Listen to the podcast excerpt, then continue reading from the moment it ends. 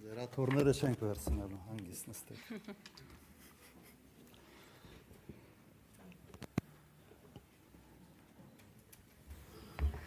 Բարև ձեզ, հարգելի գործընկերներ, շնորհակալ ենք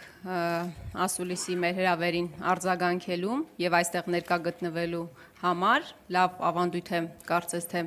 ձևավորվել եւ չխախտելով այդ ավանդույթը,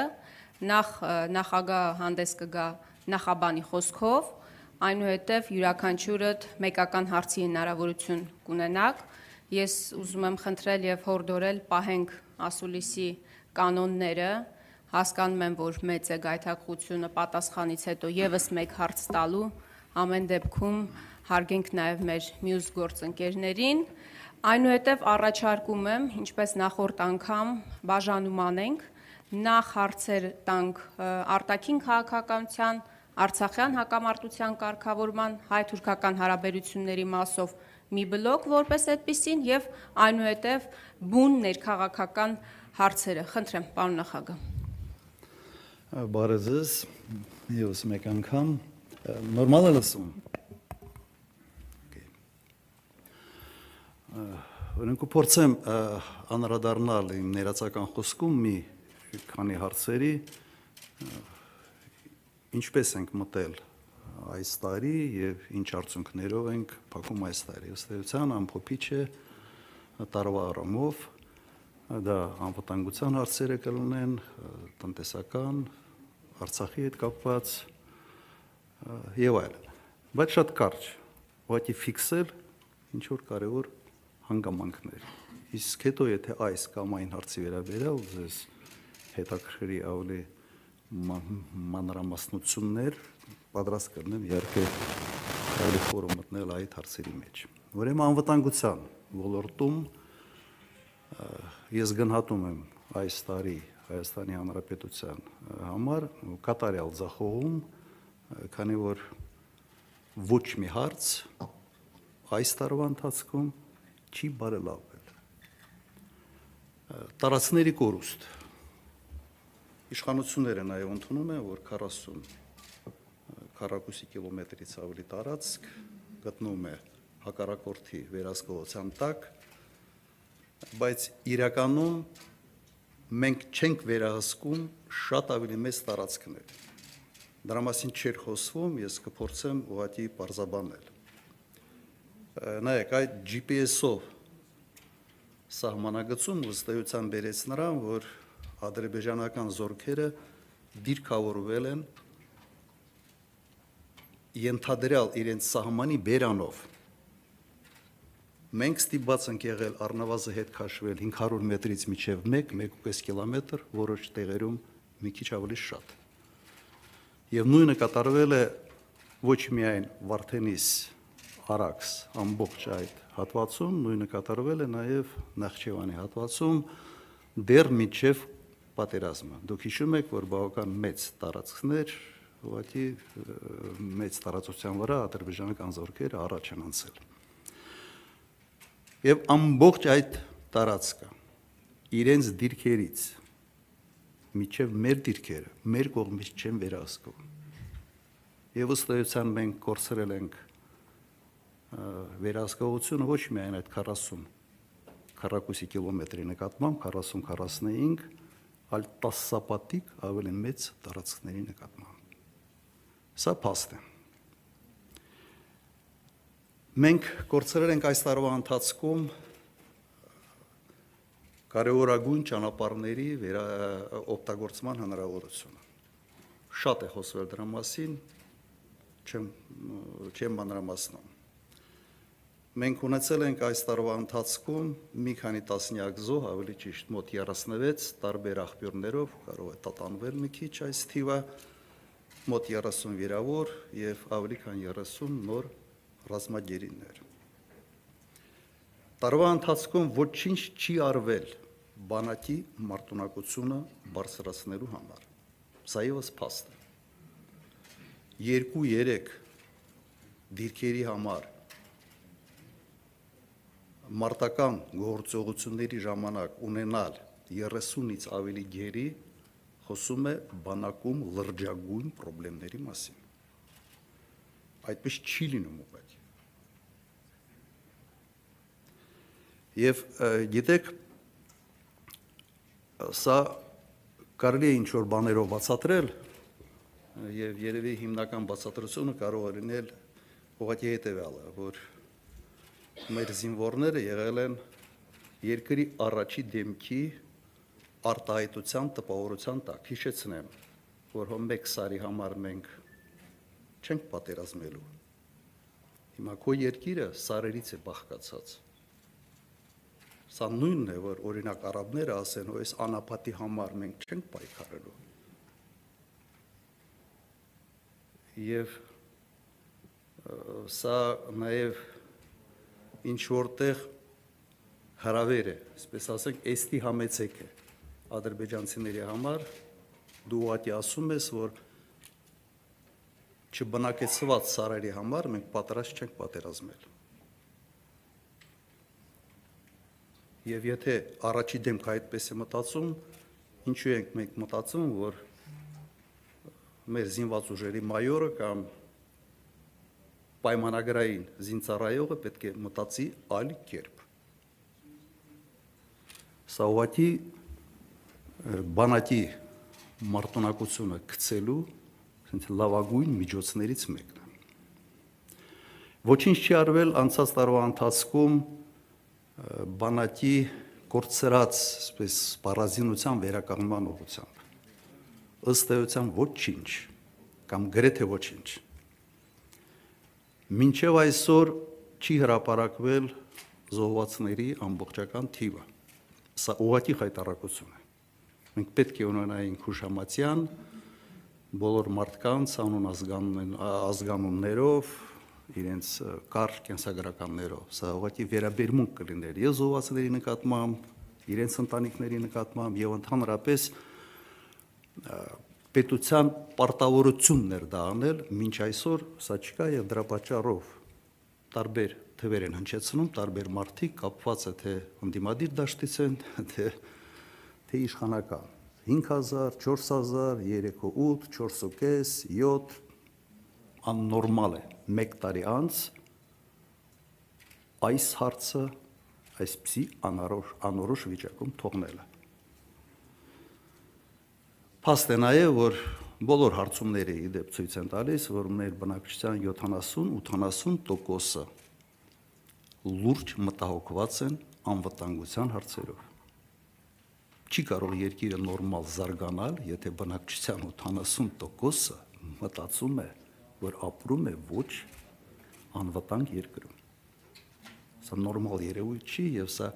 ուղղակի սրա համար պատասխանատվություն է կրում գործող իշխանությունը։ Եվ այս բոլոր հարցերով մենք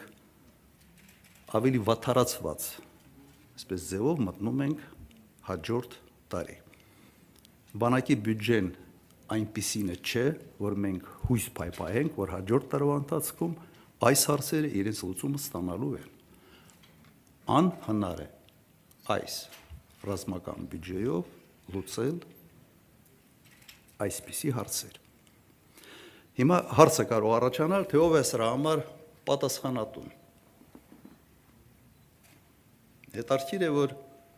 նույնիսկ չգիտես, թե ում հար, ումից հարցնես, այսպես բանակի բանակի մասին է խոսքը, 3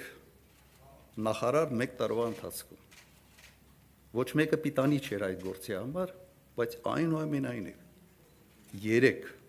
պաշտպանության նախարար 1 տարում, երկու գլխավոր շտաբի պետ 1 տարում։ Եվ գործող շտաբի պետի մասին համառորեն լուրեր են տարածվում, որ եւս կփոխեն։ Սպասում ենք հայկական ժամանակի հրապարակմանը, թե երբ է դա թե երբ է դա լինելու։ Սա եւս փաստ է։ Գիտեք, չի կարելի պաշտպանության երատեսչության ղեկավարներին փոխել նասկու պես։ Սա այն պաշտոնը չի, այն համակարգը չի։ Բացատրությունը մեկն է. Այս իշխանությունը շահագրգռված չի ունենալ մարտունակ բանակ։ Շահագրգռված չի, որովհետև մարտունակ բանակի պարագայում մեր ժողովրդի պահանջը իշխանության նկատմամբ կլինի այլ։ Կպահանջեին, որ ճանապարհ չհասնես, կպահանջեին մի շարք այլ հարցեր։ Իսկ ստեղծված է մի վիճակ, երբ սարսափը հնարավոր պատերազմի վերաբերյալ այսպես հնարավորություն է տալիս իշխանությանը գնալ քայլերին, որոնց երբեք ժողովուրդը թույլ չէր տա գնալ այլ պարագայում։ Եթե լիներ այդ զգացումը, որ կամ մարտոնակ բանակ եւ երկիրը պատրաստ է պայքարել ազգային շահերի համար։ Իմ տպավորությամբ այս վիճակը այսպես նաև ինչ որտեղ արեստականորեն է ստեղծվում։ Կրկնում եմ, ես այլ բացատրություն չունեմ։ Եթե որևէ մեկը ունի, ված չլինի, եթե հնչեցնեին։ Հիմա տնտեսական ոլորտ։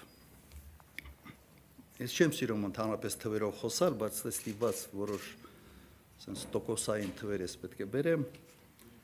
Անկումը անցած տարի հիշում եք եղել է 7-4%։ Այս տարի կանխատեսվում է տնտեսական աճ մոտ 4.2% կենտրոնական բանկի գնահատականով, կարծում եմ այն ինչ լինի դրանից ավել, ուղղակի նկարած է լինելու։ Ուրեմն մի շատ բարձ հաշվարկ նույնիսկ 19 թվականի ցուցանիշներին հասնելու համար մենք պետք է այս տարի ապահովեինք ավելի քան 8%-անոց աճ։ Չենք ապահովել, վստահ եմ, որ հաջորդ տարի եւս չենք ապահովելու եւ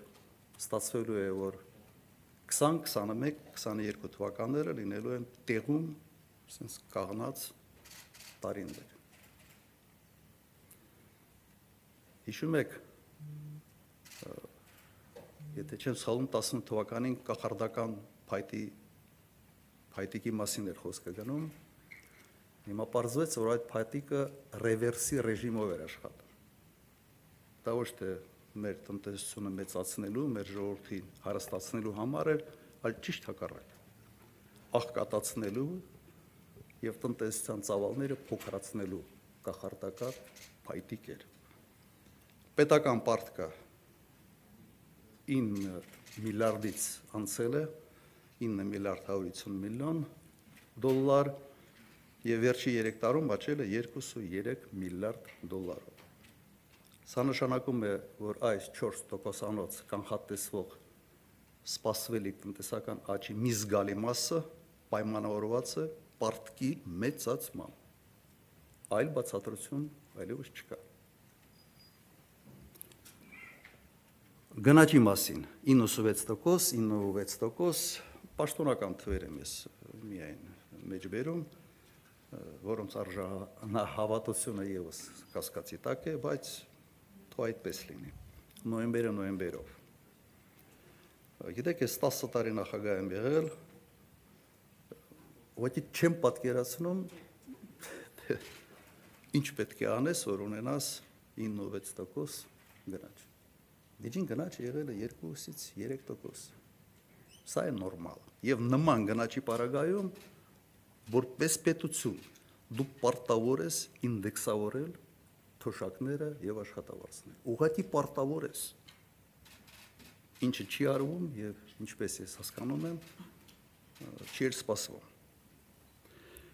Գիտեք, այս իշխանությունը ոնց որ շփոթել է երկնիշ այդպես թվերը շփոթել է գնաճի ու տնտեսական աճի միջև, այսպես տեղերը փոխվել են։ Պետք է լինել լիներ ոնց որ հակառակը երկնիշ թվերով պետք է աճեր ոչ թե գնաճը, այլ պետք է աճեր տնտեսությունը։ Մենք կարիք ունենք լրիվ այլ տնտեսական աճի տեմպերին։ Հակառակ դեպքում մեր անվտանգային հարցերը մենք որևէ կերպ հնարավորություն չենք ունենալու լուծելու։ Սա եւս փաստ է։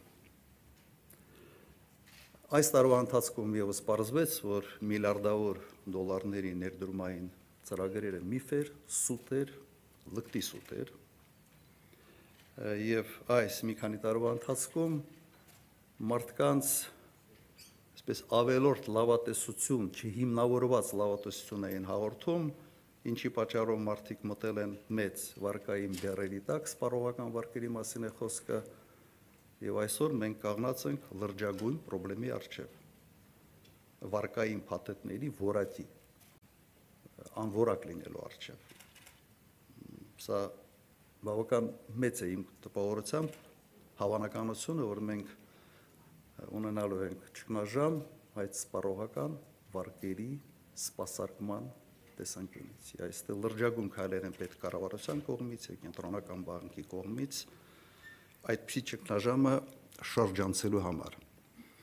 Սոցիալական վիճակը Գիտեք, նայ, կառավարության հիմնական խնդիրը պետք է լինի ժողովրդի կենսամակարդակի բարձրացում։ Այս տարվա ընթացքում աղքատության թիվը միայն աճել է։ Միայն սա բավարար է ասելու համար, որ ոչինչ չեք արել։ Միգուցե փորձել եք, բայց ըստ էության որևէ արդյունքի չեք հասել, որովհետև ժողովրդի կենսամակարդակը իջել է աղքատության թիվը տատանվում է կլինի երևի 27-ից մինչև 30%։ Եվ այս նույն պարագայում շեշտակի աճել է պաշտոնյաների պետական ծառայողների այսպես վերնախավի բարեկեցություն անամոթ ձևով պարտիվավճարները շարունակվում են գոյություն ունենալ եւ մենք տեսնում ենք թե ինչպիսի ծախսեր է առում տիկնապահների, դաչանների, լիմուզինների, պատավատների, պրեմիաների եւ այլ եւ այդ ճամփորդ ճոփ ճամփորդությունների համար։ Ինչի՞ ծախսեր արում։ Այս մի նախադասություն կա, ասում են, բանը первое время чумы հայերեն ավլեչիչ քեֆ ժանդախտի ժամանակ այսի տպավորությունը իմ մտքում այս ամենը ակնհայտ է որ հարուսների եւ աղքատների միջև այդ բևեռացումը միայն խորացել է այս տարվա ընթացքում կ ូវ իդի դեմ պայքարի մասին չեմ ուզում խոսալ կատարյալ զախողում էր Գիտեք, այս իշխանությունը հայտարարել է որ ժողովուրդը բարձրագույն արժեք է։ Եվ մեր լրատվամիջոցներից մեկը հետարքին մի հաղորդում ունեցավ, բայց այդ բարձրագույն արժեքը փախնում է քո երկրից։ Ինչ ես դու անում այդ բարձրագույն արժեքը քո երկրում պահելու համար։ Եթե չեմ սխալվում 9 ամսվա արդյունքներով 103000 մարդ լքել է երկիրը, բալանսը այսպես բացասական է, եւ մոտ 34000 օրինակ ընդունել են Ռուսաստանի քաղաքացիություն։ Դա Բովյան քաղաքն է, մոտարապես փաստացի բնակությամբ։ Բայց մեկ քաղաք փոխել է իրենց պատկերավոր sense ասելու համար եմ դա ներկայացնում, ոնց որ մեկ քաղաք, Աբովյանի պես քաղաք ուղղակի դադարել է կամ ընդունել է այլ երկրի քաղաքացիություն։ Ամենից հետարքիրը գիտեք ինչն է, որ երկրից գնում են, լքում են ոչ միայն նրանք, ով անդիմադիր են, այսպես ասենք, չեն ընդունում այս իշխանությունները, այլ միգուցե ավելի մեծ քանակով գնում են նրանք, ովքեր քվեարկել են այս իշխանության համար։ Ուր է գնում։ Հարգելի մեր քաղաքացիներ, մնացեք, վայելեք ձեր ընտրությունը։ Ինչու եք մեզ թողնում այս ձեզ կողմից սիրված իշխանությունների հետ։ Իրավունք ունենք այսպեսի հարց տալ։ Երևի իրավունք ունենք։ Հիմա մի քանի խոսք շատ կար ժողովրդավարության մասին։ Հայաստանը իրոք դադարել է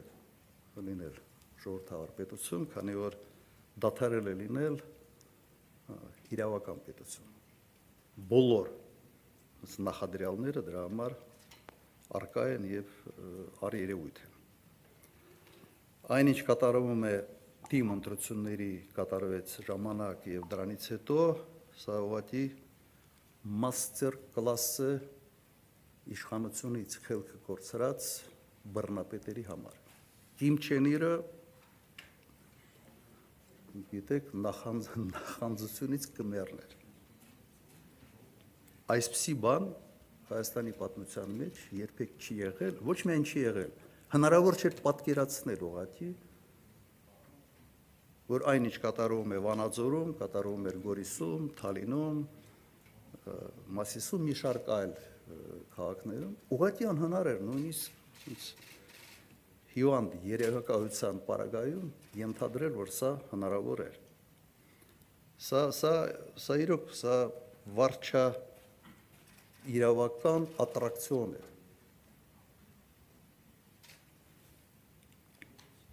Հասել են նույնիսկ զերաթորներին, եթե չեմ սխալվում ազգային ժողովում։ Դատախազությունը շատ հետարքիր կեցվածք ունի։ Դատախազությունը դարել է գունավոր իշխանապողության պահապանը, այլ ոչ թե օրենսդրության եւ սահմանադրության, այսպես ասեմ, պահապանը։ Եվ վերջի սահմանադրական դատարանի որոշումները ուղղակի իրավական դաշտում հաստատեց այն, ինչ մենք ասում էինք մի քանի տարի անընդմեջ։ Դատախազությունը ունի շատ բարդ հարաբերություններ կամ իրավագիտության հետ, կամ խղճի հետ։ Միգուցե երկուսի հետ էլ։ Մի մի աֆորիզմ կա։ Արդյոք կարող է կարող ես համարել, որ խիղճը մաքուր է, եթե դրանից ընդհանրապես չես օգտվում։ Սա մեր դատախազության մասին է այդ աֆորիզմը։ Ուրեմն երկիրը դարձել է ժողովրդավարության բաստիոնից ենթադրյալ երկիրը դարձել է տգիտության եւ իրավական բեսպրեդելի բաստիոն։ Սա եւս փաստ է։ Իդեպ, ինչ ասում եմ փա- փաստերը։ Արտաքին քաղաքականության ոլորտ մենք շարունակում ենք պարտվել քարոշչական պատերազմի մեջ մեր հակառակորդին։ Ինչպես պատերազմի ժամանակ հիշում եք, ոչ մի երկիր ոչ մի երկիր հանդես չեկավ գոնե մեկ հայտարարությամբ դատապարտող այն պետությանը, որը սկսել է պատերազմը։ Բայց մենք պարտվում ենք նաև հիմա։ Եվ գիտեք ում ենք պարտվում, ինչ երկրի ենք մենք պարտվում։ Ժողովրդարության բաստիոնը ում է պարտվում։ Մի երկրին, որտեղ իշխանությունը ժառանգական է, մի երկրին, որտեղ նախագահը նշանակում է փոխնախագահ իր կնոջը, մի երկրին եք պարտում, որտեղ տասնյակ լրագրողներ բանտիրում են, մի երկրի եք պարտվում, որտեղ նախագահի ընտանիքը բոլոր օֆշորական սկանդալներում կար։ բոլոր խոշոր օֆշորական սկանդալներում, պանամական եւ այլ եւ այլ, այդ ընտանիքը կար։ Եվ մենք այդ երկրին պարտվում ենք քարոշտական պայքարը Եվրոպայում։ Սա էլ է, սա ուղղակի ասած մաստեր կլաս հակառակ բանով, էլի ասած կուլբիտով։ Դե դե դու ո՞նց ենք պարտվում, ուղղակի չեմ հասկանում։ Չեն կարողացել այս տարվա ընթացքում մոբիլիզացնել միջազգային հանրությունը գերիների վերադարձը ապահովելու համար։ Ա, Այսքանը կարճ շատ բան կար ասելու, ես հույսով եմ, որ ձեր հարցերի ժամանակ ավելի ավելի խոսանք եւ Արցախի վերաբերյալ մեկ հարց, չէ, արտաքին քաղաքականության ոլորտի վերաբերյալ կլնեն Արցախի վերաբերյալ երկու բառովատի, նայեք։ Անորոշությունը Ղարաբաղի անվտանգության հետ կապված, ապագայի հետ կապված մնացել է նույնը այս տարվա ընթացքում, բայց որոշակիություն մենք ստացել ենք վերջերս Ղարաբաղի հարցի կարգավորման վերաբերյալ Հայաստանի դիրքորոշմանը առնչվող։ Արդեն հասկանալի է, եթե վարչապետը ասում է, որ 16 թվականից որևէ տեսական նույնիսկ հնարավորություն այլևս չկար Ղարաբաղը Ադրբեջանից դուրս կարգավիճակի համար, սա Հայաստանի Հանրապետության դիրքորոշումն է։ Ըստ էության։ Սա նշանակում է, որ Հայաստանը ձերքերը լվացել է Ղարաբաղից։ Եվ այս վերջի հայտարարություններով վարչապետը նաև ըստ էության կասկածի տակ դրեց Ղարաբաղի հռչակագիրը սեպտեմբերի 2-ի հռչակագիրը, որը Ղարաբաղի գոյության հիմքումն է, ձևավորման հիմքումն է դրված։ Կամ չեն հասկանում ինչ են անում, կամ անում են ծրագրավորված։ Այսպես ասենք, կուկլավոդների ծրագիրը իրականացվում Հայաստանում։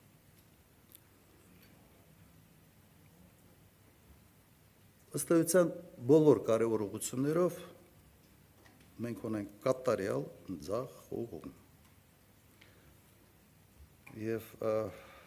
ամենից հետաքրքիրը շատ դեպքում այսպես առաջի դեմքից իջնում ես ներքև եւ པարզ չի թե ումից հարցնես։ Ոչ մեկը իր տեղը բավարար ժամանակահատված չի աշխատում, որ հնարավոր լինի մարդուց հարցնել։ Ես իմ փորձով ասեմ, Մարդ առնվազն պիտի 2 տարի մի պաշտոնում աշխատի, որ հնարավորություն ունենաս ասել, հա դու որտեղ ես եղել եւ ուր ես հասցրել։ Չկա այդպեսի բան։ Սա ոնց որ սենց այդ կարտերի կալոտ, ասենց խառնում, բաժանում, են հետո էլի խառնում են, էլի բաժանում են, նույն մարդկանց աճ, ցախ, բան չկա։ Մարդկա տարին 3 անգամ պաշտոն է փոխում։ Հիմա մի միտումնավոր են անում, թե ուղղակի չեն հասկանում, թե ինչ են անում, մեծ հարց է ինձ համար։ Բայց մի վիճակը երբ որևէ նախարարությունում որևէ նախարարից չես կարող պահանջել արդյունք։ Որտեվ չի հասել այն պահը, երբ կարելի է հարցնել։ Իսկ դու ինչ վիճակում ես ընդունել եւ ինչ վիճակում ես հասնում այդ նախարարությունը մեկ այլ անձի։ Սա հենց մենեջմենտի ձախողման հենց բարձր պիլոտաժի մասին է ուղղակի այստեղ խոսքը։ Երևի այսքանով եզրափակեմ, ասելիք ունեի, բայց ոնց որ մի քիչ ձգվեց։ Ծնկերներ բովանդակային շարունակականություն ապահովելու համար պահպանենք մեր պայմանական թեմատիկ բաժանումները, Ղարաբաղյան հակամարտությանը վերաբերվող հարցերը, արտաքին հարաբերություններին առնչվող հարցերը սպառենք, այնուհետև անցնենք ներքին կյանքին առնչվող վերաբերվող հարցերին, խնդրեմ Սպուտնիկ Արմենիա։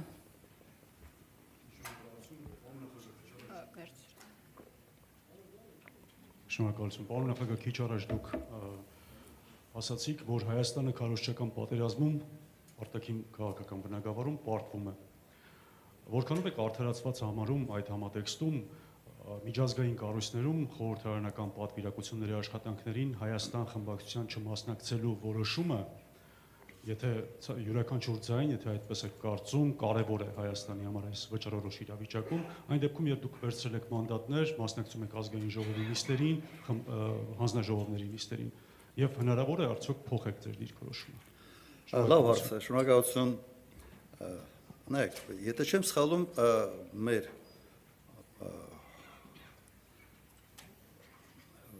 ֆրակցիայի 12 անդամի համար սեկտան փակ է։ Երկրից դուրս գալու քրեական գործեր են հարուցված եւ երկրից դուրս գալու հնարավորությունը այդ այդ մարդիկ մեկա չունեն։ Ըստ էության, այո, մենք հայտարարել ենք դրա մասին, ֆրակցիան այդ հայտարարությունը արել է, բայց իրականության մեջ մի զգալի մասի համար այդ մասնակցության ճանապարհը փակ է, փակ է այս իշխանության կողմից։ Երբ որ Սերան Օհանյանը չի կարող թռնել ու մասնակցել հապկի միջոցառումներին խորհրդարանական, թույլ չեն տալիս քննիչը համաձայնությունը չի տալիս, որ Սերան Օհանյանը գնա եւ մասնակցի։ Արմեն Գևորգյանը չի կարող մասնակցի Եվրո խորհրդի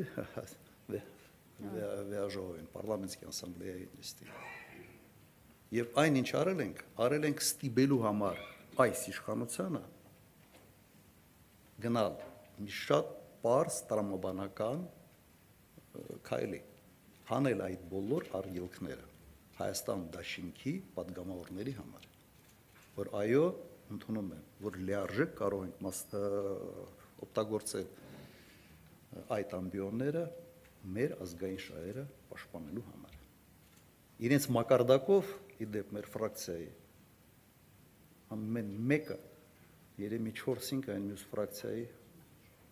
անդամների հնարավորություն ունի այսպես եւ ինտելեկտուալ, եւ փորձառությամբ, ամեն ինչով շատ ավելի բարձր մակարդակ ունեն եւ կարող են շատ ավելի արդյունավետ լինել նաեւ դրսի աշխատանքներում։ Խնդրեմ, առավոտ օրաթերթ։ Հենց այդ process-ը սկսի մարդկանց, այսպես ասենք, չարգելելը։ Միանգամից ես ընդունում եմ, ճիշտ եք ասում։ Մենք միանգամից հետ ենք հաշվելու եւ միանգամից շատ ակտիվ ներգրավելու ենք այս process-ների մեջ։ Բայց ունենալ երկու սորտի, այսպես ասենք, падգամավորներ, մեկին կարելի է գնալ, մեկին չի կարելի գնալ, սա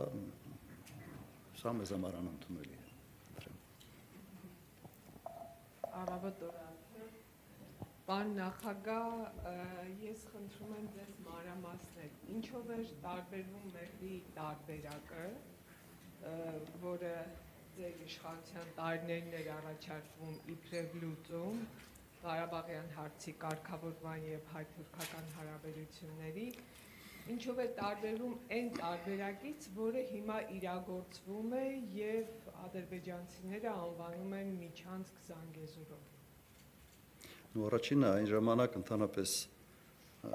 Թուրքիան այս պատմության մեջ չկար։ Դուք ձեր հարցի մեջ ասացիք նաև Թուրքիայի մասին։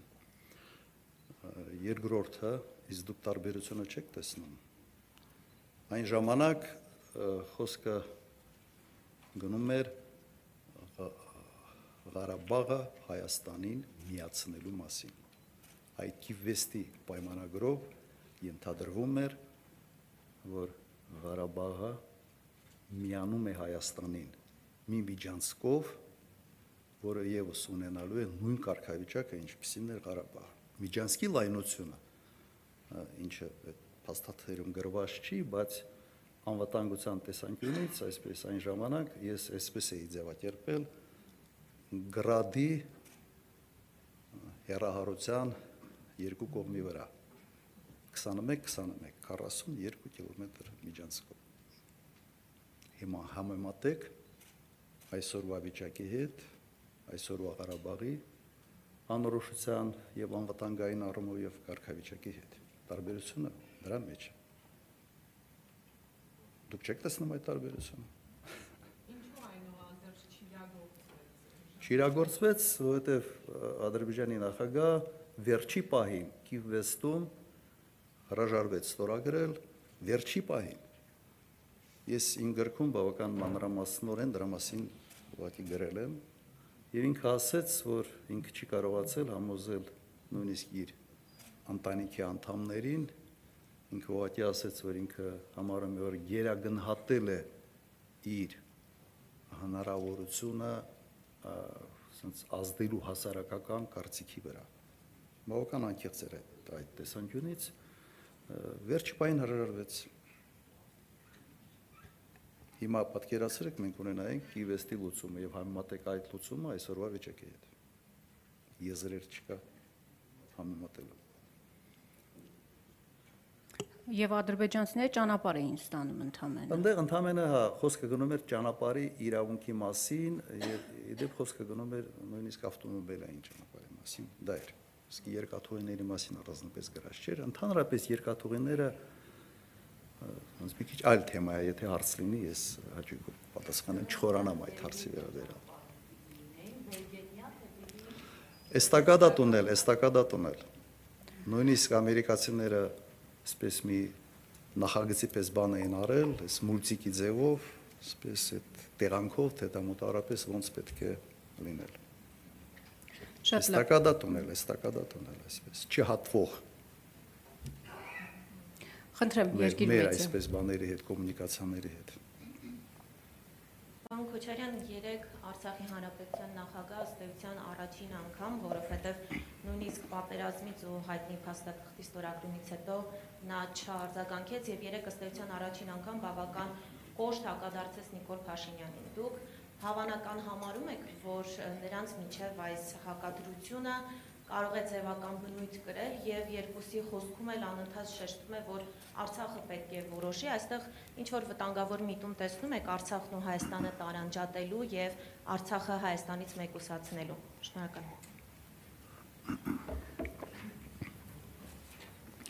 Ամենից քիչ քիչ ես կցանկանայի մեկնաբանել այսօրվա Ղարաբաղի նախագահի ասացները։ Եթե Ես խնդրեի ուղղակի հարցերը ձևակերպեք, այսպես ըստ էության հարցի։ Ինչու ինչ սпасենք այդ մարդուց։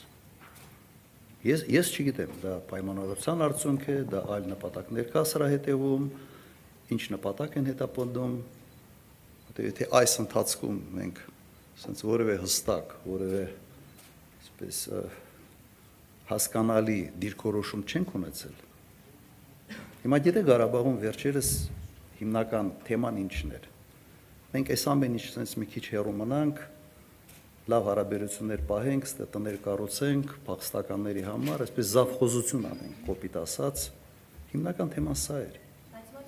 Եվ վերջապես չէ, որովհետև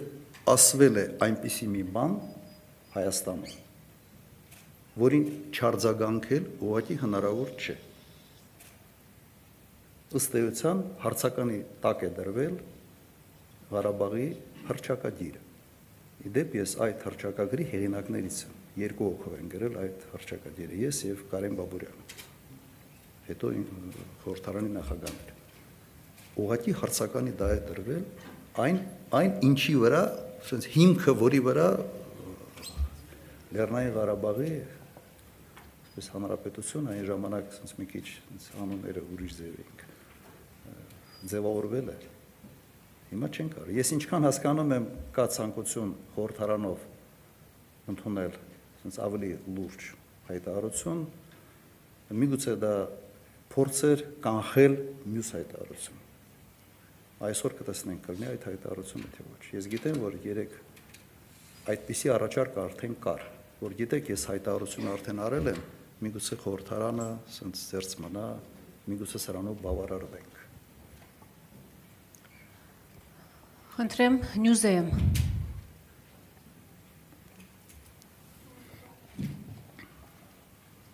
Պարոն Քոչարյան, հայ-թուրքա հայ-թուրքական հարաբերությունների կարգավորման գործընթացի բանագնացներ են նշանակվել եւ ինչը նշանակում է, որ ըստ էության process-ը սկսվել է։ Ձեր իշխանության ժամանակ նույնպես որոշակի շփումներ եղել են։ Ինչով է տարբերվում այսօրվա Թուրքիայի հետ հարաբերություններ ստեղծելու գործընթացը այն ժամանակվա գործընթացներից եւ ինչպես է գնահատում այսօրվա իշխանությունների քայլերն այդ ուղղությամբ։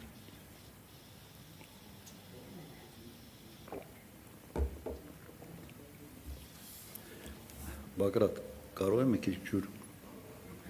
Կենասները քաղցրանում են, հա, եւ հարցերի բովանդակության առումով հարցերը թեժանում են։ Նայեք, երեք նախապայման Թուրքիան միշտ դրել է Հայաստանի արժեվ։ Դա Ադրբեջանի տարածքային ամբողջականությունը, ներառյալ Ղարաբաղը դա 7 շրջանի անվերապահ վերադարձը Ադրբեջանին եւ հաջորդը ցեղասպանության ճանաչման ճանաչման հետ կապված մոտարապես բանաձևը հետեւյալն է энտուզիազմի չդրսևորումը կամ ավելի միգուցե այլ կերպ ասենք պատմաբանների այդ հարցը ասես փոխանցումը Ա, Հիմա ավելացել է եւս մեկը ոնց որ այդ Միջանցկի Զանգիզուրով Միջանցկի ը, նախապայմանը։ Հիմա նայեք ինչ է կատարվել այդ նախապայմանների հետ։ Հա, եւ ասեմ, մեր մտածումը միշտ հետեւյալն էր։ Պատրաստ ենք հարաբերություններ կառուցել առանց նախապայմանների։ Նույնիսկ երբ սահմանից խոսում էին, մենք ասում էինք, սահմանը մեր կողմից բաց է։ Սահմանը փակ է մյուս կողմից։ Հիմա ինչ է կատարվել այդ երեք նախապայմանների հետ։ Սկսենք երկրորդից։ Ոչ թե 7 շրջանն է վերադարձվել, այլ բոնուսով Շուշի եւ Հադրութ։ Ըստ էության այդ նախապայմանը այլևս գոյություն չունի, քանի որ կրկնեմ բոնուսով իրականացված է։ Ցեղասպանության հետ կապված Հայաստանը այսօր այնքան թույլ է, որ մտածել որ Հայաստանը կարող է որևէ հաջողության հաս- հասնել ցեղասպանության ճանաչման գործում միգուցե հենց հերավոր ապագայում այդ հարցը այսօր Հայաստանի Հանրապետության իշխանությունները թողել են ամբողջությամբ հայ դատի գրասենյակների վրա սա մեկ եւ երկրորդը կարող են նման հարցերի դիմել պետություններ, որոնք, այսպես ասենք, Թուրքիային պատժելու որոշակի շահագրգռվածություն այս կամ այն պահին կարող են ունենալ։ Այլ ռեսուրս ուղղակի այստեղ չկա։ Հիմա երեք նախապայմաններից ըստ էության երկուսը իրենց համար բարեհաջող տարբերակով լուծված են առաջի տարբերակին Արցախի այսպես Ադրբեջանի տարածքային ամբողջականության ներառյալ Արցախ։ Մինչ Բրյուսել խորհրդարանում վարչապետը ասաց, որ չի տեսնում այլևս չի չկա 16 թվից նույնիսկ տեսական տարբերակ Ադրբեջանից Ադրբեջանի կազմից դուրս Ղարաբաղի համար։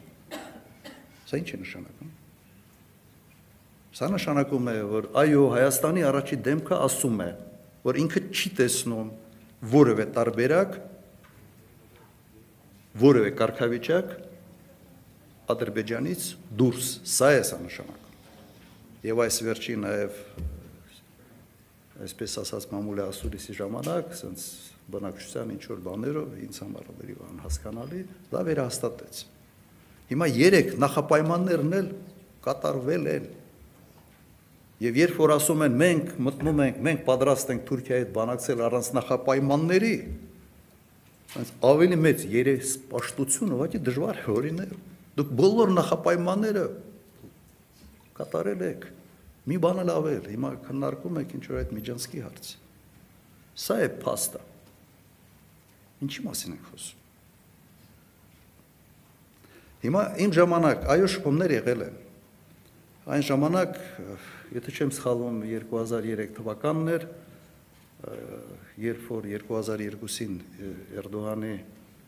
իշխան կուսակցությունը հաղթեց խորհրդարանական ընտրությունների ժամանակ, առաջի արտգործնախարար եղել է Աբդուլլա Գյուլը։ Աբդուլլա Գյուլի հետ հանդիպան ժամանակ Մադրիդում բազմակողմ ինչ որ միջոցառում էր Վարդան Օսկանյանը բավական ողջերված էր։ Ինքին զանգեց եւ ասաց, որ ոնց որ թուրքական կողմը պատրաստ է առանց նախապայմանների բանակցությունների։ Ես ասացի, Վարդան, չեմ հավատում, նորեն, տակեն դեր չեն հասկացել, որ Ադրբեջանը իրենց կխանգարի։ Մեծ աղմուկ դրա մասին։ Մի հանի որ չստացի, որ մենք ինչ որ սպասելիքներ ենք առաջացնում, շարունակեք այդ այդ ոչով։ Պայմանավորվել են հենց Գյուլը ասել է հետևյալը. առանց նախապայմանների մենք հիշում եք այն ժամանակ մի թեզ էր զորացնում ենք խնդիրները բոլոր հարևանների հետ ասենց обнуление проблем с соседями Արդյունքում բոլոր հարևանների հետ լրացիչ խնդիրներ ունեցա շատ ավելի խորը բայց այն ժամանակ ինձ մտածումը սա էր։ Մի քանի ամիս հետո երկրորդ հանդիպումից հետո ինձ Օսկանյանը զանգեց, ասեց ոնց որ հետ ենք հաշվում, ինչ որ սկսեցին ինչ որ ասել չէ մի քիչ բարդ է, միգուցե սենց ավելի դանդաղ շարժվենք, միգուցե ավելի սենց ինչ որ հարցեր ընտրենք, որոնք խնդրահարույց չեն մեզ համար։ Երրորդ հանդիպան ժամանակ ամբողջությամբ վերադարձանք այն կետին, որի ինչից սկսել ենք սա եղել հայ-թուրքական հարաբերությունների այսպես հուսադրող sense մի պահ, որը տևեց մոտարապես 6-7 ամիս, ոչ ավել։ Շարունակելով արտաքին հարաբերությունների Ղարաբաղյան հակամարտության թեման, Վահե Մակարյան հրապարակ օրաթերթ։ Թույլ կտակ ես սուրճ խմում։ Քիչ անհավասար պայմաններում ենք հայտնում, բայց ոչինչ։ Մենք դրսում ունենք բան նախագահ։ Ունենք, չէ՞, այդ հնարավորությունը, հա։ Շնորհակալություն, Վահե Մակարյան հրապարակորաթերթ։ Պարոն Քոչարյան, հարցս Արցախին է վերաբերում, բայց մինչ այդ թույլ տվեք նկատել, որ ձեր նախաբանում ես չլսեցի որևէ խոսք միտված ապակային, թե ինչ եք անելու կոնկրետ ապագայում իշխանապողության հետ կապված քայլեր, ուզում եք իշխանապողություն այս փուլում չեք ուզում, կգաք իշխանության թե ոչ, բայց Համոզված եմ եղել, որ այդ հարցերը դուք տալու եք, թողել եմ, թողել եմ ձեզ։ Շատ լավ, հուսով եմ կանդրադառնաք դրանց, այդուհանդերձ եթե ինչ որ մի հրաշքով Նիկոլ Փաշինյանը հեռանա իշխանությունից եւ այդ նույն հրաշքով որևէ այլ ճանապարհով դուք գաք իշխանության Արցախի հետ կապված, որպես նաև առաջին Արցախի առաջին նախագահ խնդրում եմ ասեք, Արցախի կարգավիճակի հետ կապված դուք լուծում այսօր մոտավոր լուծում գոնե ունեք, ինչպես եք պատկերացնում հաշվի առնելով արկա իրավիճակը, Ադրբեջանի հռետորաբանությունը Արցախի կարգ իրենց կողմից ճակերտավոր կարգավիճակի հետ կապված, որ բնական է պնդում են, որ պետք է լինի Ադրբեջանի կազմում Հայաստանի իշխանություններն էլ վերջին ասուլիսը ցույց տվեց, որ կարծես թե դրան դեմ չեն եւ ամեն ինչ թափանցիկ ակնարկներով հասկացնում են, որ այո, Արցախը մոտապագայում լինելու է Ադրբեջանի կազմում։ Հիմա այս իրավիճակում, երկրի նման ծանր իրավիճակում, այսպիսի հռետորաբանության պայմաններում, երբ նաեւ զինված ուժերի խնդիր ունենք նոր պատերազմի, դուք մոտ ապագայում, եթե գաք իշխանության, ինչպես եք պատկերացնում Արցախի կարգավիճակի լուծումը եւ արցախցիներին ինչ ունեք խոստանալու։ Շնորհակալություն։ Լավ հարց է, մի քիչ բարթացրեցիք, ասենց։ Նայեք, ես կառաջարկեի այս հարցին մեկ այլ մեթոդաբանությամբ մենք անդրադառնանք։ Այս իշխանությունների դիրքորոշումը Արցախի վերաբերյալ ձեզ համար པարզ է թե པարզ չի։ Կարծում եմ բոլորի համար པարզ է։ Հիմա արժի փորձել ուղղակի չեզոքացնել այդ վտանգը եւ մեկ այլ ճանապարհով գնալ, թե չարժի։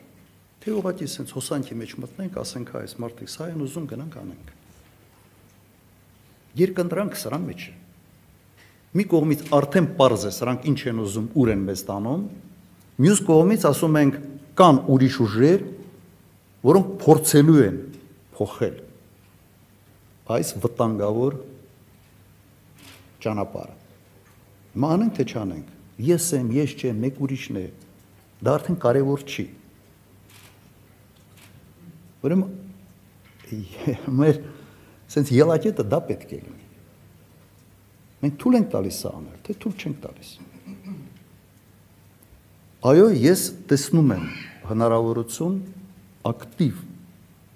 դիվանագիտական աշխատանքի շնորհիվ ինչ որ բան այս իրավիճակում փրկել։ Տեսնում եմ այդ ճանապարհը։ Այս իշխանությունը չի էլ փորձելու դա անել, որովհետև այս մարդիկ իրենց ամբողջ գիտակից կյանքը մտածել են այնպես, ինչ այսօր իրենք անում են։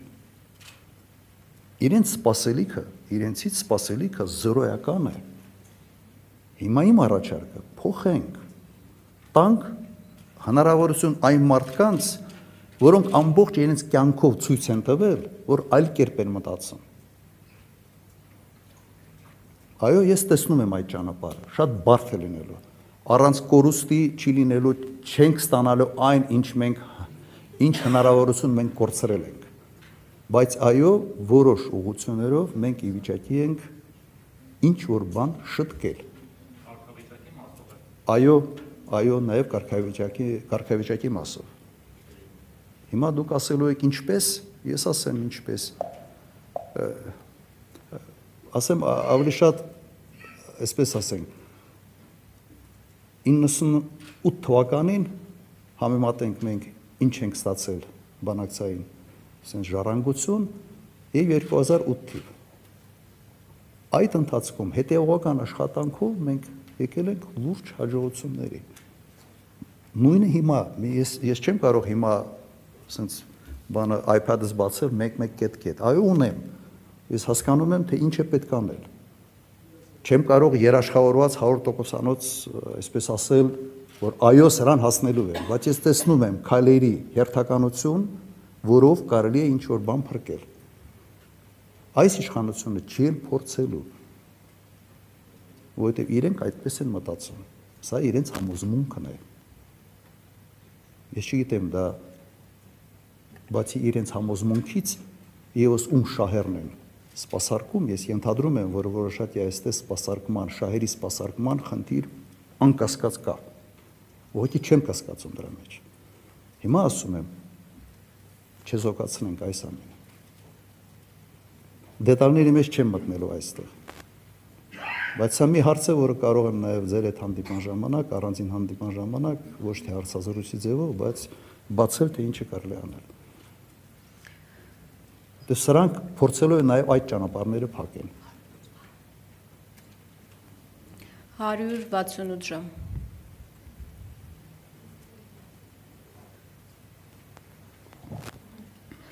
Ա, Պարոն նախագահ,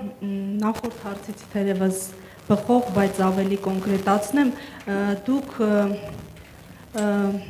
նշել եք, որ դելիմիտացիա նշանակելու է Հայաստանը փաստացի ճանաչում է Ադրբեջանի տարածքային ամբողջականությունը եւ ֆիքսում է Արցախի անկլավային կարգավիճակը Ադրբեջանի կազմում։ Ուզում եմ անդրադառնալ հարցին դելիմիտացիայի այլընտրանքն այս պահին որն է եւ հաջորդ հարցը թույլ չենք տալու այս արտահայտության տակ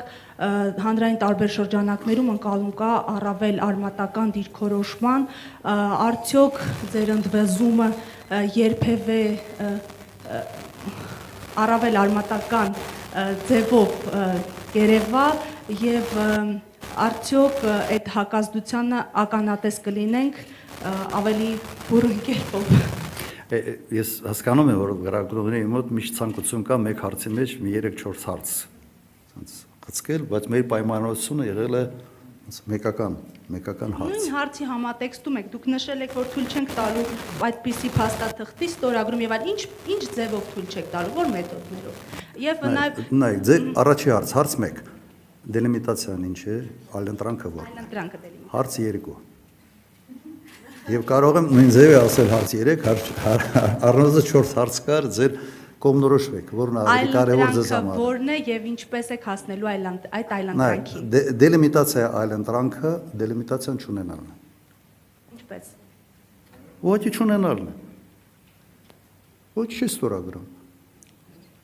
ինչպես եք կանխելու բխում է երկրորդ հարցը Հա, հա, այդ նայեք, երբ որ ասում են դելիմիտացիա այլընտրանք, ոչի չգնալ այդ process-ին, որովհետև դու չափազանց թույլ վիճակում ես, ստարտային վիճակը թույլ է,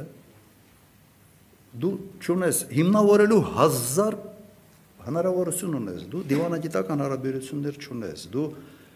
երկկողմանի որևէ հարաբերություն չունես, դու առանց այդ ամենը, առանց դիվանագիտական հարաբերությունների ոչ միտեղ դելիմիտացիան առաջ չի գնա։ Ում տեղից չեն սկսում ուղղակի։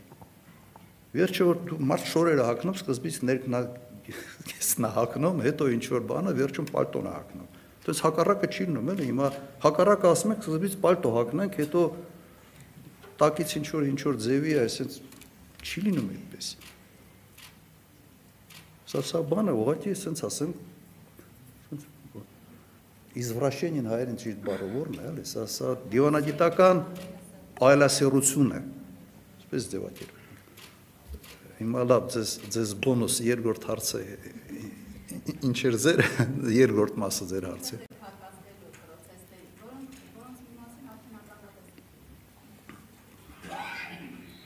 Հա, ե- հասկանում եմ, որ մեզանից սպասում են ավելի արմատական գործողություններ։ Նայեք, մենք մենք ինչ ենք ֆիքսում այսօր քաղաքական դաշտում։ Մենք ֆիքսում ենք այս իշխանության վարկանիշի շեշտակի անկում ընտրություններից հետո։ Նույնիսկ մեզ համար մի քիչ անսպասելի անկում։ Ինչքան ընտրությունների արդյունքներն է եղել որոշ չափով անսպասելի, որովհետև սա սա բացատրություն չունեցող ինչ որ երևույթ եղավ, նաև նման կարգի անսպասելի շեշտակի անկում կա ավելի քան կրկնակի։ Բայց դեռ մեր գնահատականով այդ վարկանիշի անկումը չի տրանսֆորմացրել այդ զանգվածների պատրաստակամությանը ակտիվ պայքարելու համար, փողոցային պայքար։ Մենք համոզված ենք, որ այս մարտիկ իրենց հոժար կամքով իշխանությունը չեն թողնելու։ Ոչի չեն թողնելու։ Եվ իշխանությունից հեռացնելը հեռացնելու համար պետք են զանգվածային ընդվզումներ, զանգվածային փոխոցային պայքար։ Ոչ թե 5-6 կամ 10000 մարդու, այլ զանգվածային։ Մենք այսօր դա չենք տեսնում, որ դա հասունացած է։ Եվ դա հիասթափեցնում է մեր կոմունակիցների մի հատվածին, որոնք պատրաստ են այդ պայքարին։ Պատրաստ են գնալ, նստել, պայքարել, ամեն ինչին պատրաստ են։ Բայց մենք նաև չենք կարող այդ մարդկանց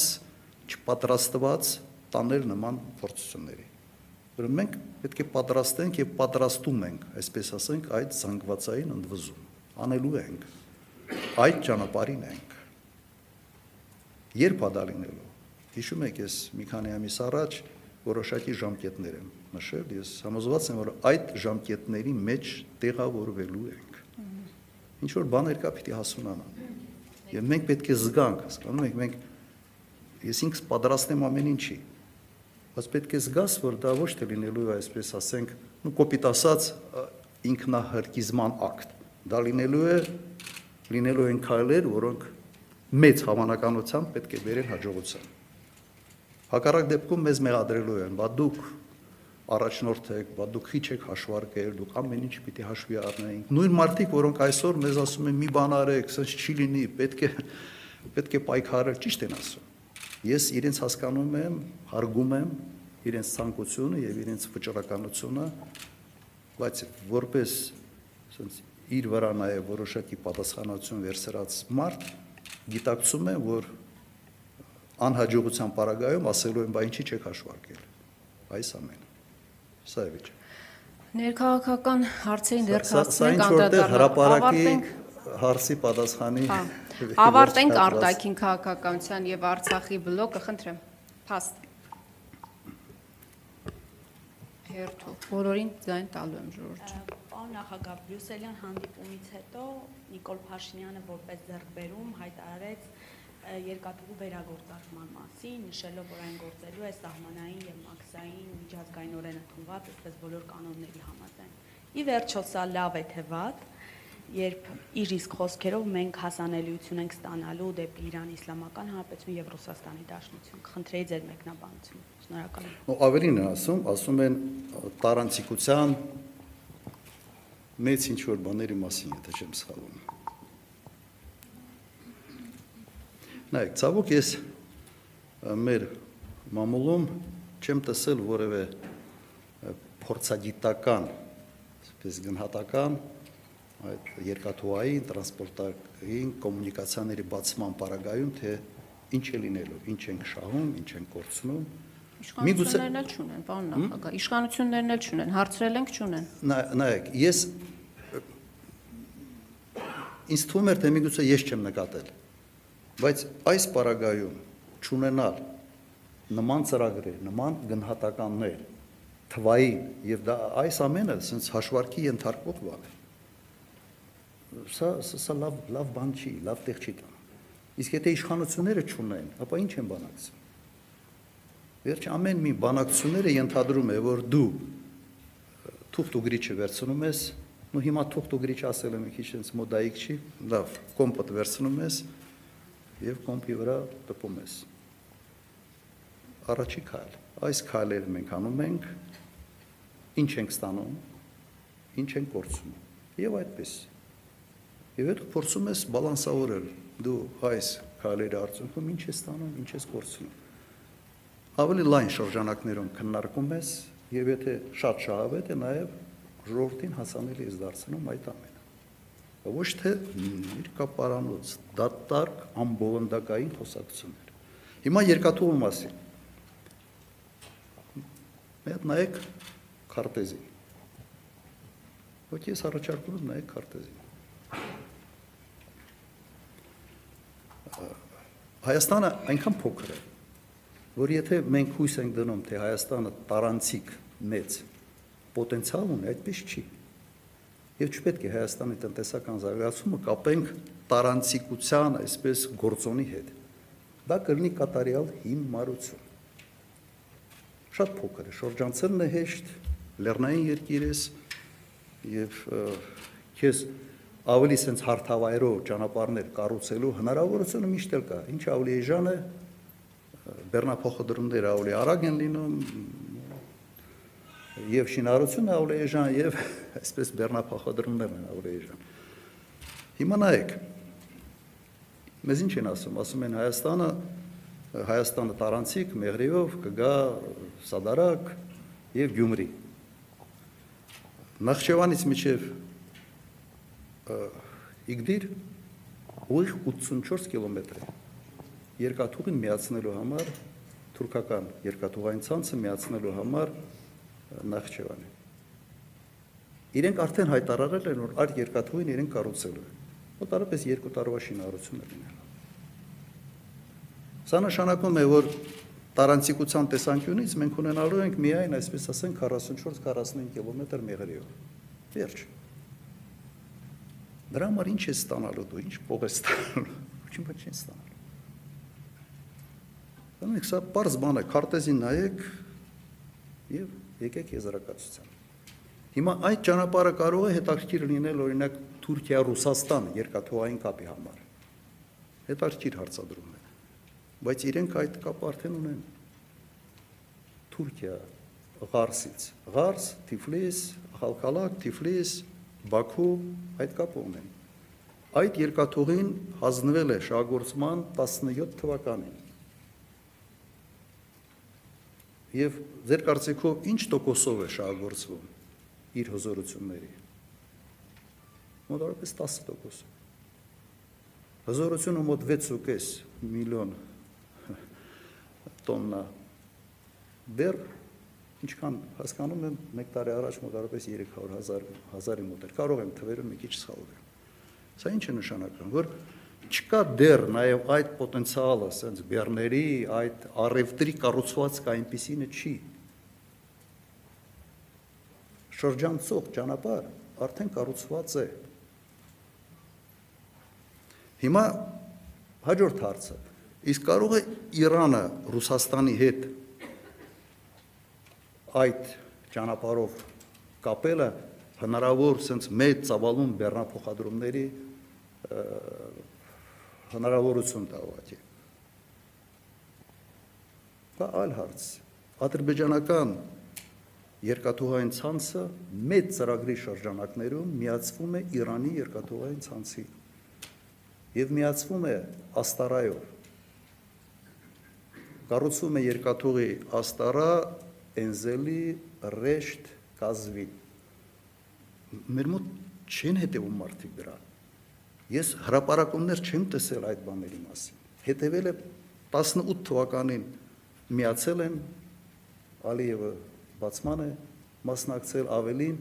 իրանական կողմում այդ ամբողջ կտորը երկաթուղու աստարա աստարա իրար միացնելը հանձնված է 25 տարվա վարձակալության ադրբեջանցիներին իր ամբողջ ենթակառուցվածքներով Կազվին ռեշտ կտորը հանձնվել է 19 թվականին Իրանի նախագահը գնացել բացմանն է մասնակցել մնացել է մի փոքր կտոր ռեշտ Էնզելի եւ այդ փոքր կտորը հանձնում են հաջորդ տարի պլանավորված հաջորդ տարի ավարտում են եւ դա մեծ ծրագրի այսպես կոչված Հնդկաստան, Իրան, Ադրբեջան, Ռուսաստան այդ տրանսպորտային մեծ կորիդորի մաս է կազմում։ Հնդկաստանից ծովային բեռնափոխադրումներով գալիս են Բանտարաբաս, Իրանի հարավ եւ եւ ստերից գնում Եվ միայն նայեք, միայն դուք պատկերացրեք ինչ գումարներ են դե ծախսվել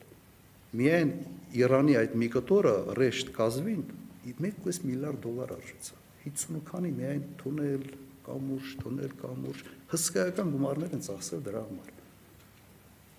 արդեն մեր շրջանցել է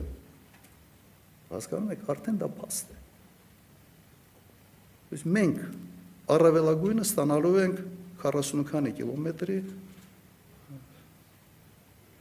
ինչ որ բան էլի տրանզիտի ինչ որ գումար սա է Հիմա եթե մենակ սա է, դու մի հատ հասկաց ու դիմաց ինչ ես տալիս։ Ինչ ես կորցնում։ Եվ բեր բալանսի մի հատ հասկաց, դες դու ինչ ես շահում, ինչ ես կորցնում։ Եթե ընդամենը շահածդ սա է։ Ինչի համար ես գնում։ Այս մարդիկ հաշվել չգիտեն։ Գիտեք, այս մարդկանց համար արեստավարժությունը համար մեկ թշնամին է։ Ոնց որ ման են գալիս, որտեղ մի արեստավարժ մարդ կա ճոնշը հայր չէ, կներեք։ Հայրենասեր եւ արեստավարժ մարդ կա, մարդիկ այս իշխանության թշնամին են։ Ման են գալիս, որտեղ այդպիսի մարդ կա, գործից հանեն, հերացնեն, ճնշեն, բռնեն, կալանավորեն։ Սա ծեյությունն է։ Հիմա ես ուղղակի կառաջարկեի նաև մեր լրատվամիջոցներին Այս ամենը հիմա լուրջ վերլուծել։ Հասկանալ այդ հեքիաթները այդպես տարանցիկության վերաբերյալ ինչ է տալիս։ Իդեպ Իրանը նաև այդ ճանապարհով որը հաջորդ տարի ամբողջած ամբողջանալու է, միանալու է Սևծովին։ Ինչի հնարավորություն ունի նաև Թուրքիայը։ Քարտեզները կան, վերջի հետ մեկը մեկը ինձ զարմացնում է որ մեկը չի փորձել մասնագիտանա սրա վրա փորձագիտական նաև մենք բաներ չունենք գնահատականներ չունենք մի հարցի վերաբերալ որը մեր օրակարգում անընդհատ քննարկվող թեմա է Երևի այսքանը, այսքանը։ Սիվիլնետ։ Բարև ձեզ, շնորհակալություն, պարոն նախագահ, դուք նշեցիք, որ դելիմիտացիայի այլընտրանքը դելիմիտացիա չունենալն է Ադրբեջանի հետ։ Դա նշանակում է ֆիքսված սահմանել չունենալ այդ երկրի հետ։ Արդյոք այս պարագայում, երբ Ադրբեջանը պատերազմից հետո ակնհայտորեն ավելի ուժեղ է եւ ցանկացած ոտնձգություն կարող իրականացնել Հայաստանի սահմանների նկատմամբ, արևելքից չունենալ դելիմիտացիան ճիշտ է, այսինքն հստակ ֆիքսված սահման, որովհետև հաղթող կողմն էլ աս կարող է ասել սահման չունեմ եւ առաջ շարժվել։ Գիտեք, վիճակը պարզունականացնելը տվյալ դեպքում ճիշտ չեմ համարում, որովհետև մենք չենք ասում սահման չկա։ Իրականում ասում ենք այս քարտեզ, այն քարտեզ եւ այլ եւ այլ, դելիմիտացիային չգնալը այս պահի ոչ թե նրա համար է, որ ասենք ընդհանրապես մենք սահման չունենք, այլ հետեւյալ հետեւյալ վտանգներն է իր մեջ կրում։ Դելիմիտացիան հաստատված դելիմիտացիան նշանակում է, որ դու ճանաչում ես Ադրբեջանի տարածքային ամբողջականությունը, ինչը հնարավորություն է տալու, այս սցենարի մասին ուղղակի խոսանք Ադրբեջանին վերջապես ասել.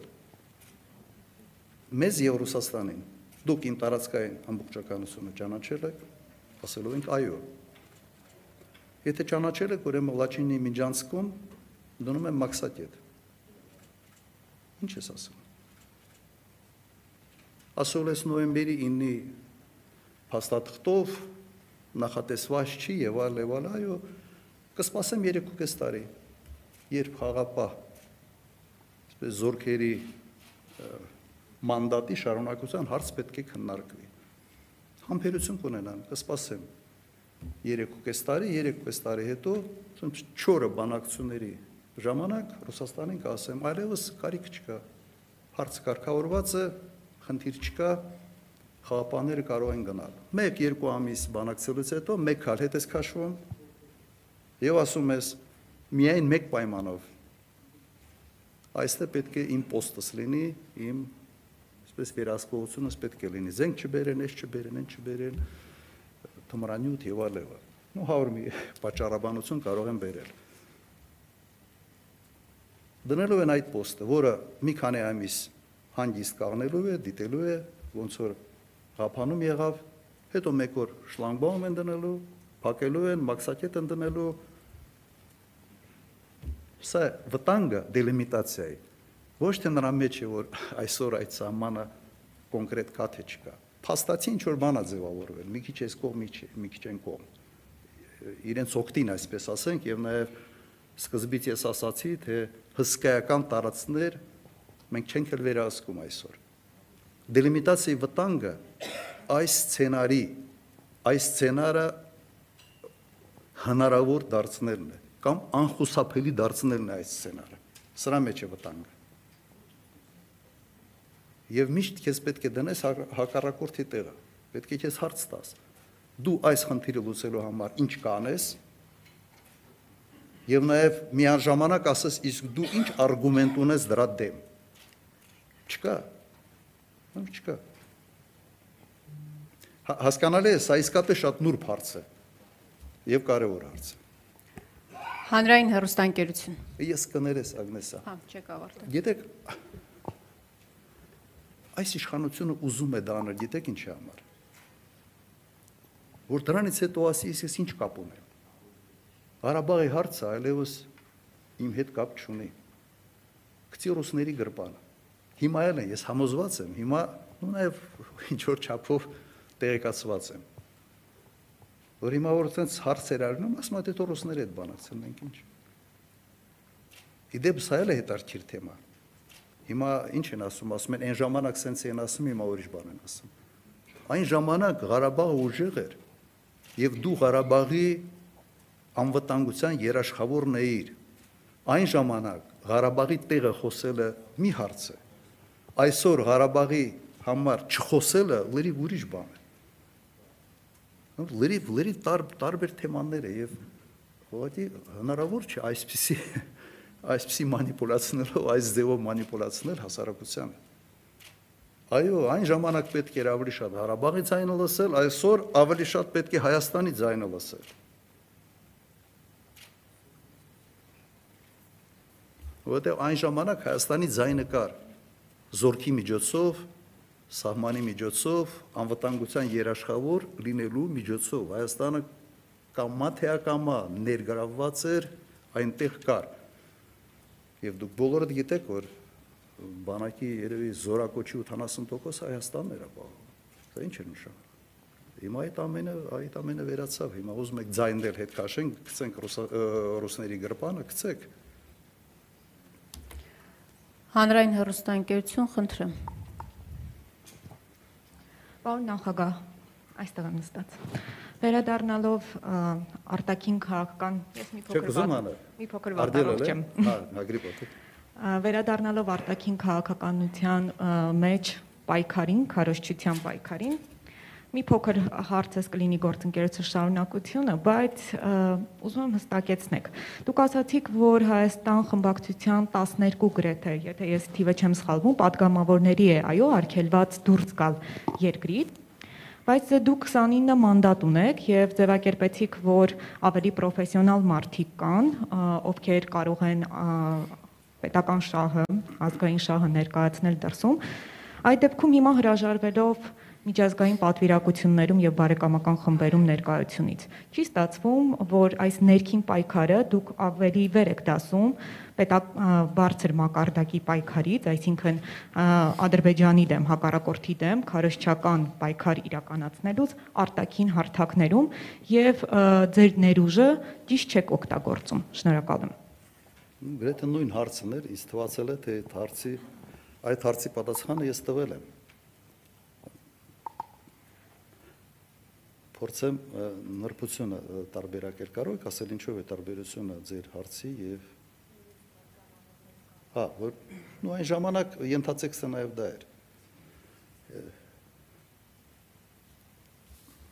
իսկ իշխանությանը չի հետաքրքրում ընդհանրապես եթե այդպիսի պոտենցիալ իշխանությունը ընդունում է որ դա ներուժ է, որը պետք է արտաքին հարթակներում օգտագործել Իշխանությանը դա չի հետաքրքրում, ինչի են փակել մարդկանց ելու մուտքի հնարավորությունները։ Գիտեք, մեկ-մեկ կան կոնֆլիկտներ, կան վիճակներ, որոնց լուծումը այդ վիճակի վիճակը ավելի սրելու մեջ է։ Դու պետք է վիճակը ասենց հասցնես ավելի ասենց ծայրահեղ միգուցե կետին հասցնել լուծում ստանալու համար։ Եվ եթե մենք օրինակ կարող ենք նման քայլով 1 ամսում ենթադրենք մենք այդ լուծումը ստանանք, իսկ եթե դա չանենք, մենք 1 տարի այդ հնարավորությունը չենք ունենալու։ Հիմա ընդհանուր առմամբ կորուստը ավելի շատ ինչի մեջ է լինելու։ 1 ամիս այդ ներուժը թեր օգտագործել, թե 1 տարի ընդհանրապես չօգտագործել։ Բայց չի ստացվում, որ դուք կուսակցական շահ ավելի վեր եք դասում, պարոն նախագահ բայց ես ձեզ այդ հարցի պատասխանը ինձ հիմա տվեցի։ Մենք դա անում ենք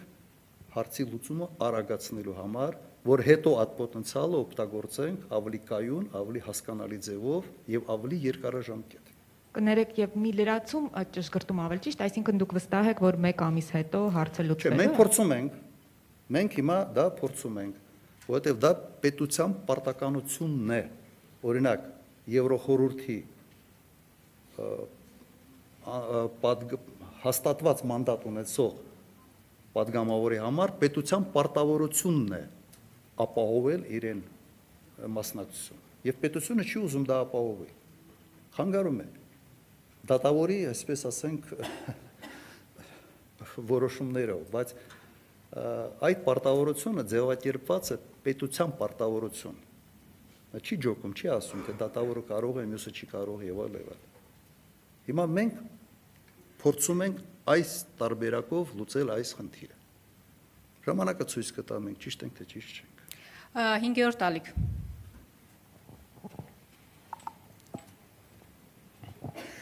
Պարոն նախագահ, Ռուսաստան, Արևմուտք, հիմա լարված այս հարաբերությունները ինչով կարող են այսպես ազդել մեր տարածաշրջանի վրա, այսինքն այդ լարվածությունը Ամերիկա, Ռուսաստան կարող է այսպես մեր տարածաշրջանում արտահայտվել ապագայում, քանի որ մենք գիտենք, որ Հայաստանի իշխանությունները այսպես տարբեր ձևերով, տարբեր հայտարարություններով հաճախ այսպես հակառուսական, այստեղ քաղաքականություն են վարում, հայտարարություններ անում, արդյոք այստեղ ինչ որ փուլում, եթե Ռուսաստան-Ամերիկա այդ ը, հակամարտությունը այսպես ավելի զարգանա, հարավային Կովկասում ինչ ազդեցություն դա կարող է ունենալ։ Շնորհակալություն։ Նայեք, այս այս հակամարտությունը բերել է նրան, որ ասես կոմպլեմենտարության հնարավորությունը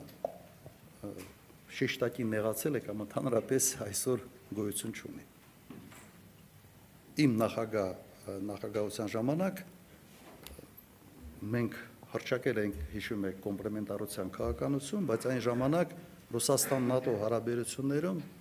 Ռուսաստանը ավելի շատ ծրագրեր ուներ ՆԱՏՕ-ի հետ, քան մենք։ Շեշտակի ավելի շատ հատուկ Ռուսաստան ՆԱՏՕ խորհուրդ կար մշտական ինչ որ հավաքվում էին, քննարկում էին։ Սա նշանակում է, որ մենք պետք է ավելի հասկանալի ձևով կողմնորոշվենք։ Մենք ինչ ենք ուզում։ Օրինակ ես մինչև այսօր այդպես էլ չհասկացա մեր արտաքին քաղաքականության ոչ տրամաբանությունն է երևում, ոչ ուղղություններն երևում։ Մի մի շատ པարզ օրինակ կազմակերպվում է Միացյալ Նահանգների կողմից այսպես կոչված ժողովրդավարության համաժողով։ Ակնհայտ է եւ հայտարարված է, որ սա հակառուսական եւ հակաչինական ծրագիր է։ Մենք այստեղ ինչ ունենք։ Հասկանում եք, ինչ ունենք։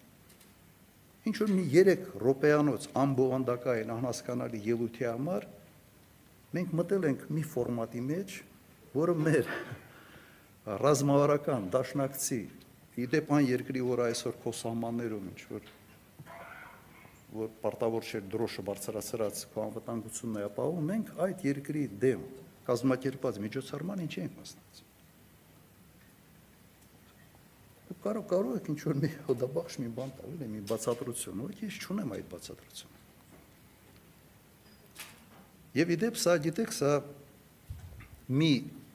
ծրագիր է ավելի շատ սա փորձ է վերակենդանացնել մի տրենդ, որը ժամանակին սովետական միությունը փլզվելուց հետո ինքը բավական հզոր ներուժ ուներ այն ժամանակ։ Այն ժամանակ մոտարապես հետևյալ էր միտքը, որ ամբողջ աշխարհը ժողովրդավարացնելով մենք ավելի կանխատեսելի, ավելի հասկանալի, ավելի անվտանգ աշխարհ ենք ունենալու։ Հիշում եք։ Այդպես է, բայց հետո եղավ գունավոր հեղափոխություններ տարբեր երկրներում, աղետալի հետևանքներով եղավ արաբական գարունը, եղավ ներխուժումը Իրաք, Աֆղանիստան, եւս աղետալի հետևանքներով եղան ցենց Գուանտանամոյի այդ խոշտանգումները եւ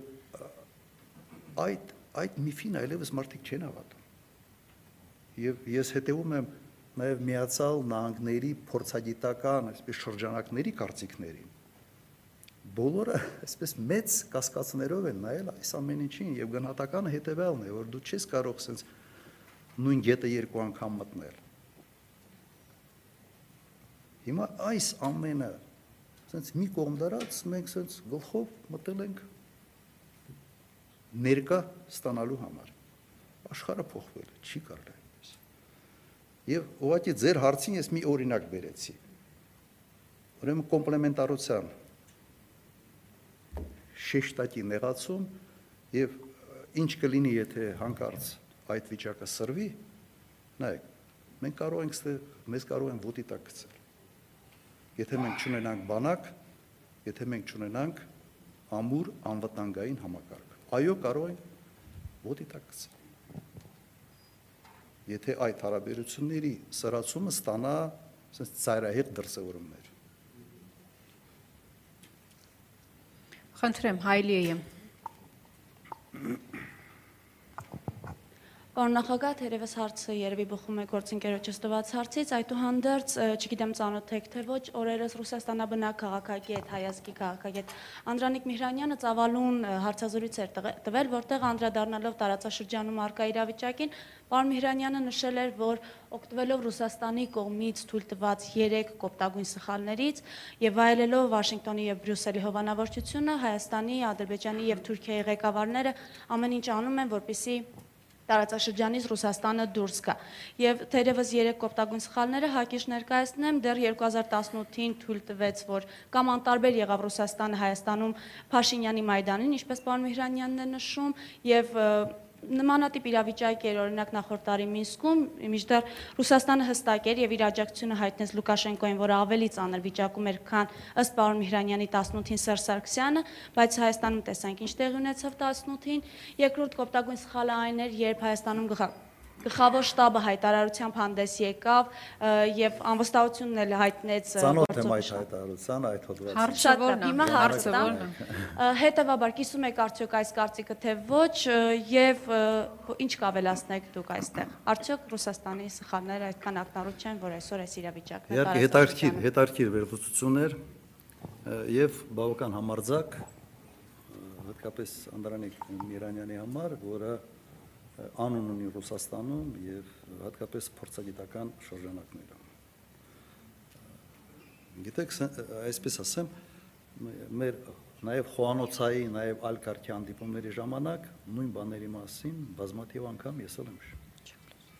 Այո, այդ այդ խնդրեմը ես տեսնում եմ։ Եվ հիմնական նպատակը իհարկե այդ ուժերին Ռուսաստանին այս տարածաշրջանից հանելն է կամ եթե ոչ հանելը, ապա էապես նվազեցնելն է իրենց ազդեցությունը այս տարածաշրջանում։ Հիմա նայեք, բավական երկար ժամանակ հասկանալի պատճառներով Ռուսաստանը փորձում էր հավասար հերավորություն դրսևորել Հայաստանի եւ Ադրբեջանի նկատմամբ։ Ինչը ինչը ես իսկապես համաձայն եմ, որ Ռուսաստանի շահերից է բխում, որովհետև իր- իրենք հույս ունեին եւ ենթադրում եմ, որ միջև այսօր հույս ունեին, որ կարողանան նաեւ Ադրբեջանը իրենց ազդեցության որ իրենց ազդեցությունը Ադրբեջանի նկատմամբ չնվազի։ Օրինակ 3 ռուսական վեստի ծրագրով մի մեծ հաղորդում էր Ադրբեջանի մասին։ Եթե չեք նայել, նայեք։ Դուք կտեսնեք ինտոնացիաները, տոնայնությունը, քննարկված շոշափված թեմաները ինչպեսին են եղել։ Ես ուղղակի այդ ամենին հետևում եմ։ Բայց Ղարաբաղում այս պարտությունից հետո իրավիճակ է փոխվել Հարավային Կովկասում։ Իսկապես իրավիճակ է փոխվել։ Ես համոզված եմ, որ հիմա մենք մի process-ի մեջ ենք, որը կարող են բնութագրել աշխարհակական վերափոխում Հարավային Կովկասում։ Երբ Թուրքիան միացավ այս ամեն ինչին եւ տանդեմը Թուրքիա-Ադրբեջան լրիվ այլ բնույթ ստացավ, այլևս հավա- հավասար հերավորություն պահել Հայաստանի եւ Ադրբեջանի մեջ եւ դժվար է եւ ես համո- համոզված եմ որ նաեւ մի քիչ անհասկանալի է հայկական կողմի համար եւ նաեւ չեմ կարծում որ երկարատև առումով դա լավ բանի է բերելու բայց դեռ այդ ձևաչափը չի փոխվել կարող է փոխվել Ռուսաստանի համար ասենց Ռուսաստանի կյանքը դժվարացել է այս ամեն ինչ հետո որովհետև իրենց տարիներ կիրառած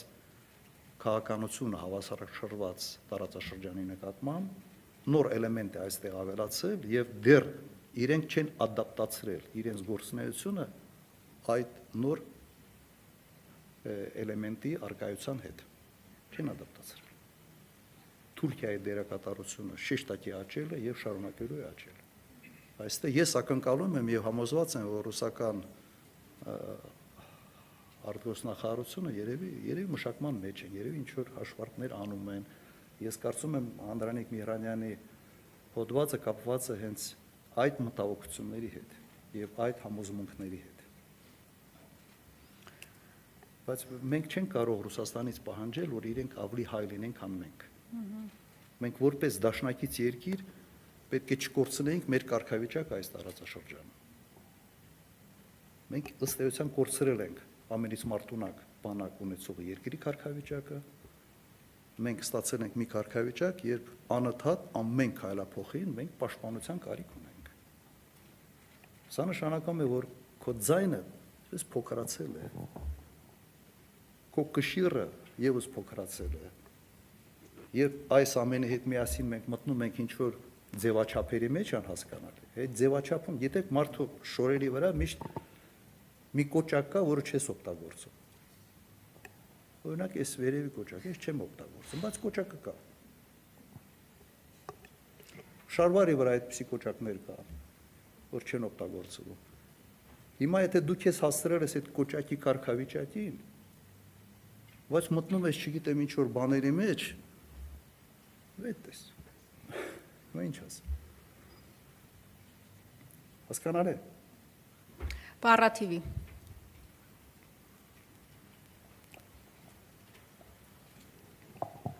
Շնորհակալություն։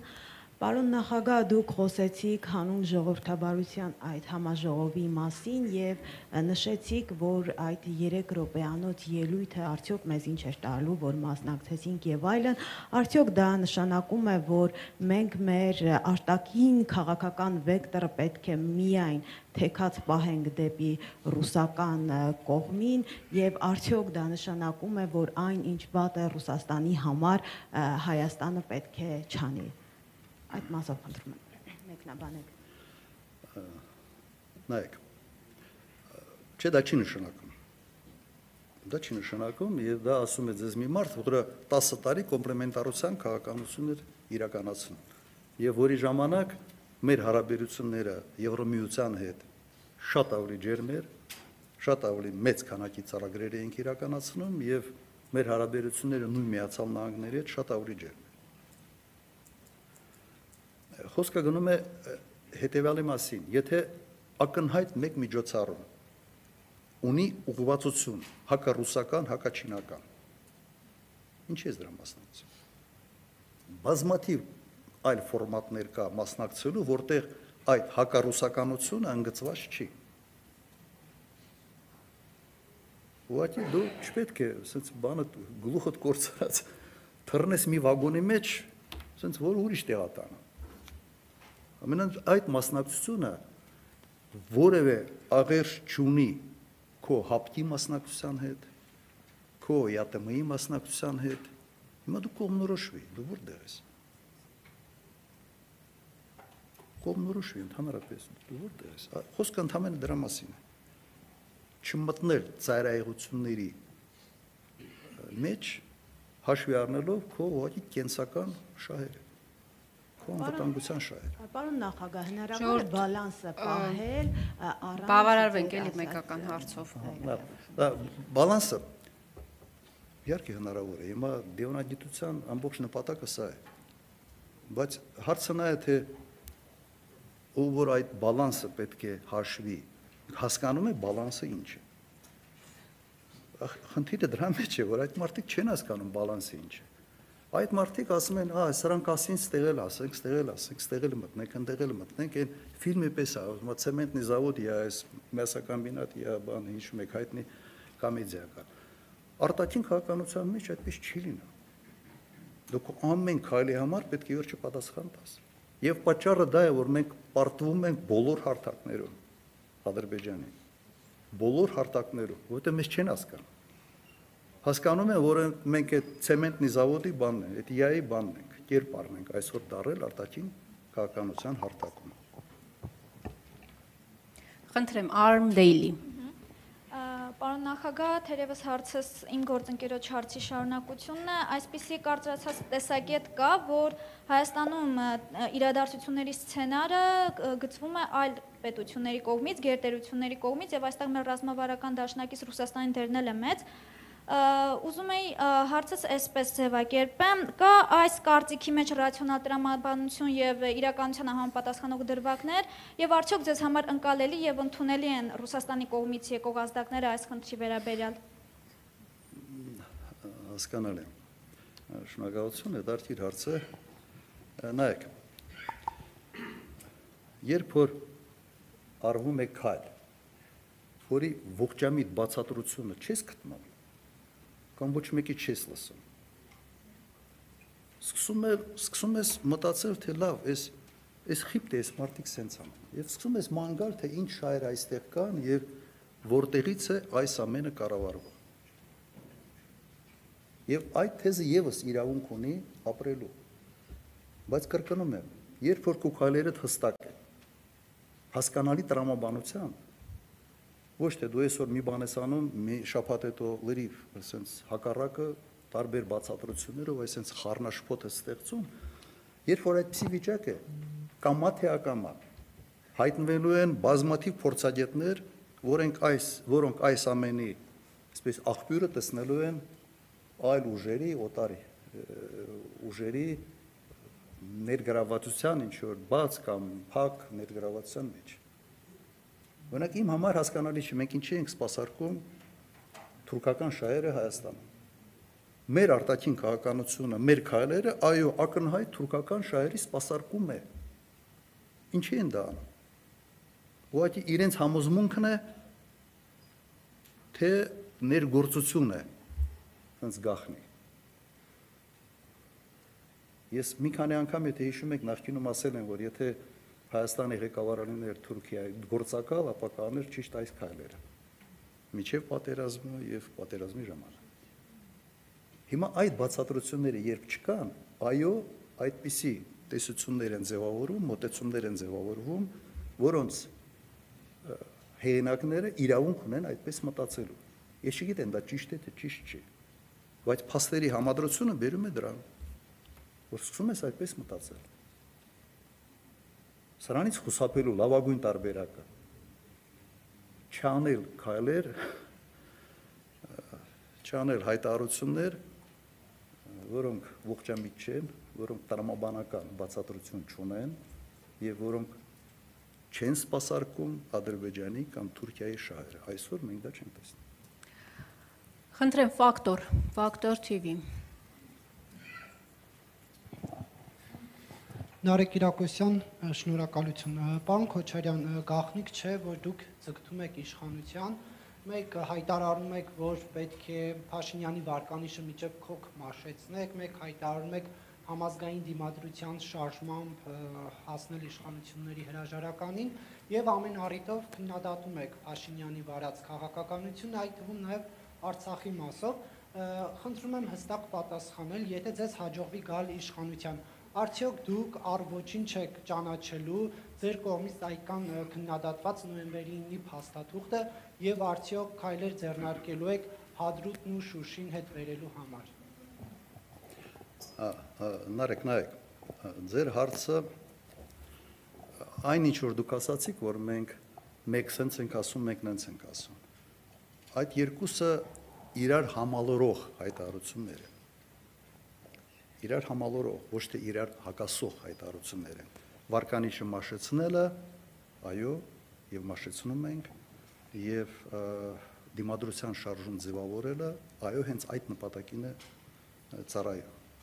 Ուրեմն տվյալ դեպքում այսպես կոմպլեմենտար են սրանք իրար, իրար ուժեղացնող, իրար համալրող։ Այո, այդ ճանապարհում մենք գնալու ենք եւ գնում ենք։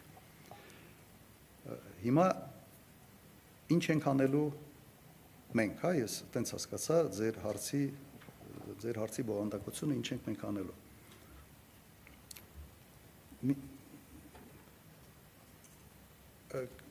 Կարող վերջը մի հատ էլ է ձևակերպումը տվեք, որովհետև իմ տպավորությամբ ստե ինչ որ բան կար, ենթացեքստ կար, կարող ես զուտ որ դուք ֆակտորն եք ներկայացնում, կարող ես եմ ասենց մի քիչ կասկած ամտությամբ կրկնեք ձեր հարցի վերջի հատվածը, հա, որ ես ես իսկապես կուզենայի առանց ենթատեքստերի բաների շատ բարձ ես պատասխանել։ Հարցը հետեւյալն է, պարոն Քոչարյան, եթե դուք ձեզ հաջողվի գալ իշխանության, դուք շարունակելու եք ինչպես հիմա Փաշինյանն է նոյեմբերի 9-ի փաստաթղթի Հա։ այդ կետերը հերթականությամբ կատարում, դուք կատարեք եւ ինչ քայլեր եք Հասկացա, անելու։ նայ, հիմա նոյեմբերի Շուշին եւ 9-ի փաստաթղթի կետը, կետերը։ Ինչ վատ բան կար, արդեն կատարված է։ Գիտեք, նույնիսկ հիմա քննարկել, թե ով որ գա, ես եմ, ես չեմ, Պողոսնա, Պետրոսն է, արդեն կապ չունի։ Բոլոր այդ փաստաթղթի վատ կետերը իրականացված են։ Եվ որևէ ողջամիտ մարդ չի գալու եւ չի ասելու չեղարկենք այս փաստաթուղթը։ Իրականացված է։ Բացի մեկ կետից, որը մեզ էր պետք Գերիների, գերիների գերիների վերադարձը։ Հիմա մենք դա չեղարկելով ասելու ենք, թե նաև մեզ մեղադրելով են ասելու են գերիներին, գերիներին հետ չեն ուզում, որովհետև միայն միայն իրավական փաստաթուղթն է, որտեղ ասենց ռազմագերի նույնիսկ բանն է օգտագործած։ Բրյուսելում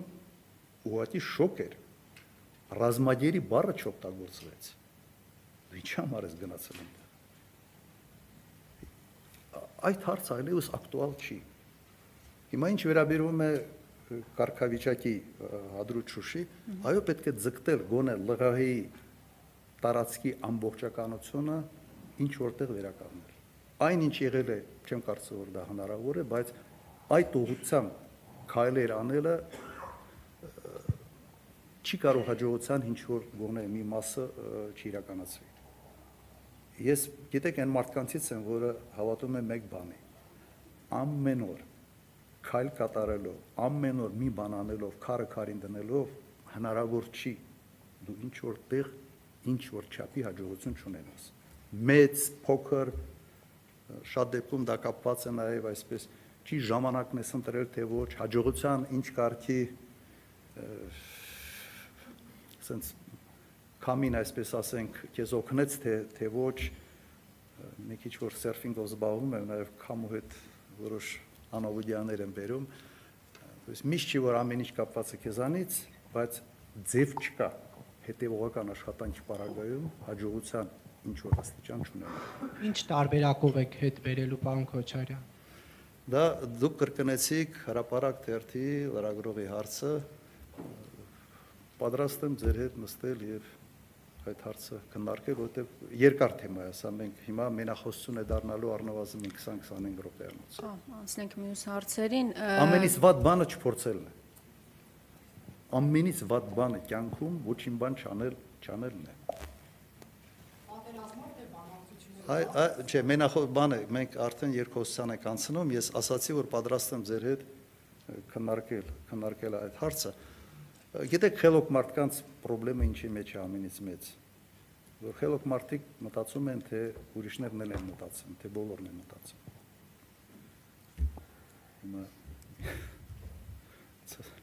Այս իշխանությունները քարոզարշավի ժամանակ էլ էին վախեցնում պատերազմով, որ եթե այս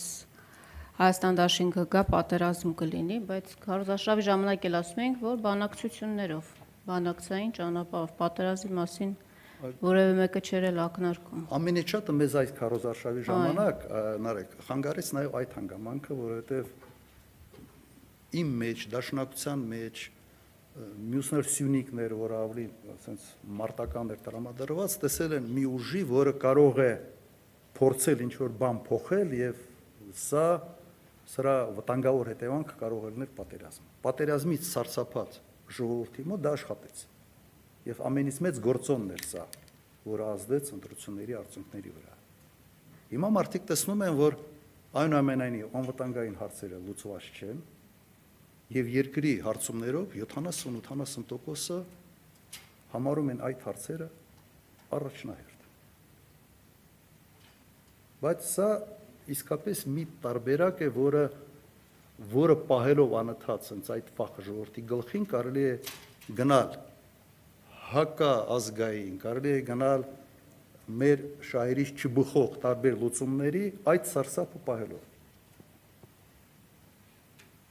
Սա է ամենից մեծ արկա պահի ամենից մեծ խնդրեմ, որը պետք է հաղթահարենք։ Հակառակ դեպքում մենք անընդհատ sense զիջողի Ձեր հարցը բայց ներկայացեք, ձեր Փաստինֆո ճանաչեցին։ լրատվական Հասմիկ Կոշկարյան, պարոն Քոչարյան, Հասմիկ Կոշկարյան, Փաստինֆո։ Փաստինֆո։ Պարոն Քոչարյան, արդեն մի քանի ամիս շարունակ ինչ Հայաստանի տարածքը, որոշակի տարածքներ հա օկուպացված են ձեր խոսքով ավելի շատ, քան Մի քիչ լավ չեմ հայտարարված է։ ասում, եթե մի քիչ իջեցնենք։ Ահա։ Ձեր խոսքով ավելի շատ է այդ տարածքները օկուպացված, քան հայտարարվածն է, ու նաև շարունակվում Չէ, են հա սահմանային Մի մասը օկուպացված է, մի մասը մենք չենք վերահսկում։ Ինքը ըստ էության այն չեզոք գոտին է, որը չպետք է լիներ ամբողջությամբ մեր տարածքների հաշվին։ Նաև շարունակվում են սահմանային հա սադրանքները ադրբեջանական կողմից, բայց տեսնում ենք, որ միջազգային հանրությունը ամեն դեպքում համարժեք պատասխան չի տալիս։ Ինչ է կարծում այս դեպքում գեոպոլիտիկ շահերն ամբողջությամբ են համընկնում Ադրբեջանի շահերին ու ինչպես դուք նշեցիք, երբ Հայաստանի կշիռը փոքրացել է, Հայաստանը ինչպես է դիմակայելու հա այս գեոպոլիտիկ խաղին, եթե կարելի է Հասկացա, գիտեք, հիմա այստեղ երկու հարց կա։ Առաջինը. Իսկ Հայաստանը ուզում է որ այդպես չի լինի։ Իմ տպավորությունը որ Հայաստանը նորմալ է, այս վիճակը նորմալ է ընդունում։ Եվ դրանից է նաև բխում այն կասկածները, թե վերջապես ում շահերն է սпасարկում, որովհետև չկան քայլեր, որոնք ուղղված են այս ամենը չզոհացնելուն։ Չկան։ Այնքան խոսացին, գորգորացին, հապ դիմեք բանման, parzes որ չեն դիմել։ Հհհ։ Բայց վերջապես դու դիմում ես մի կազմակերպությանը, որը գլխավոր քարտուղարին դու երկու տարի առաջ կալանավորում էիր։ Եվ ինքը փաստը, նայեք, հապկի բոլոր պետությունների հետ Ադրբեջանը ունի ավելի լավ հարաբերություններ, քան դու, հապկի անդամ երկիր։ Վերջ սա ինչի մասին է խոսում։ Եվ այն փաստը, որ համաչափ չի արձագանք չկա նաև եվրոպական կառույցների կողմից միացյալ նահանգների իմիջիալից վերջերս միացյալ նահանգներն է սկսել սկսել ավելի ինչ որ հայտարարություններով հանդես գալ այդ կոնֆլիկտների բանի վերաբերյալ բայց սա եւս խոսում է նրա մասին որ ոչ միայն մենք չենք պայքարում այդ շահերը այսպես չենք դրթում մենք չենք պահանջում մենք բավարար քայլեր չենք ձեռնարկում դրա համար այլ նաև կրկնում եմ, իսկ մենք ուզում ենք, որ իրենք ավելի ակտիվ միջամտեն։ Այդ դեպքում դու մի քիչ դժվարություններ ես ունենալու եւ միջանց տրամադրելու հարցում, ավելի դժվարություններ ես ունենալու Արցախի կարգավիճակը ոչ Ադրբեջանի կազմում թեզը առաջ մղելու առումով։ Սենց ոնց որ ավելի հարմար է։ Այս ամեր պլանը գնում ենք այս ձևով Հիմա ինչքան է ժողովուրդը բախած լինեն, այնքան ավելի հեշտ է լինելու այս ամենը տեղ հասցնել։ Օրինակ, իմ մոտ այս ամենի մեջ այդպիսի պատկեր է ձևավորում։ Ճիշտ է թե ճիշտ չէ, այդքան էլ կարևոր չի։ Անկալումը այդպիսինն է։ Խնդրեմ, պոլիտիկ ԿՏԵ։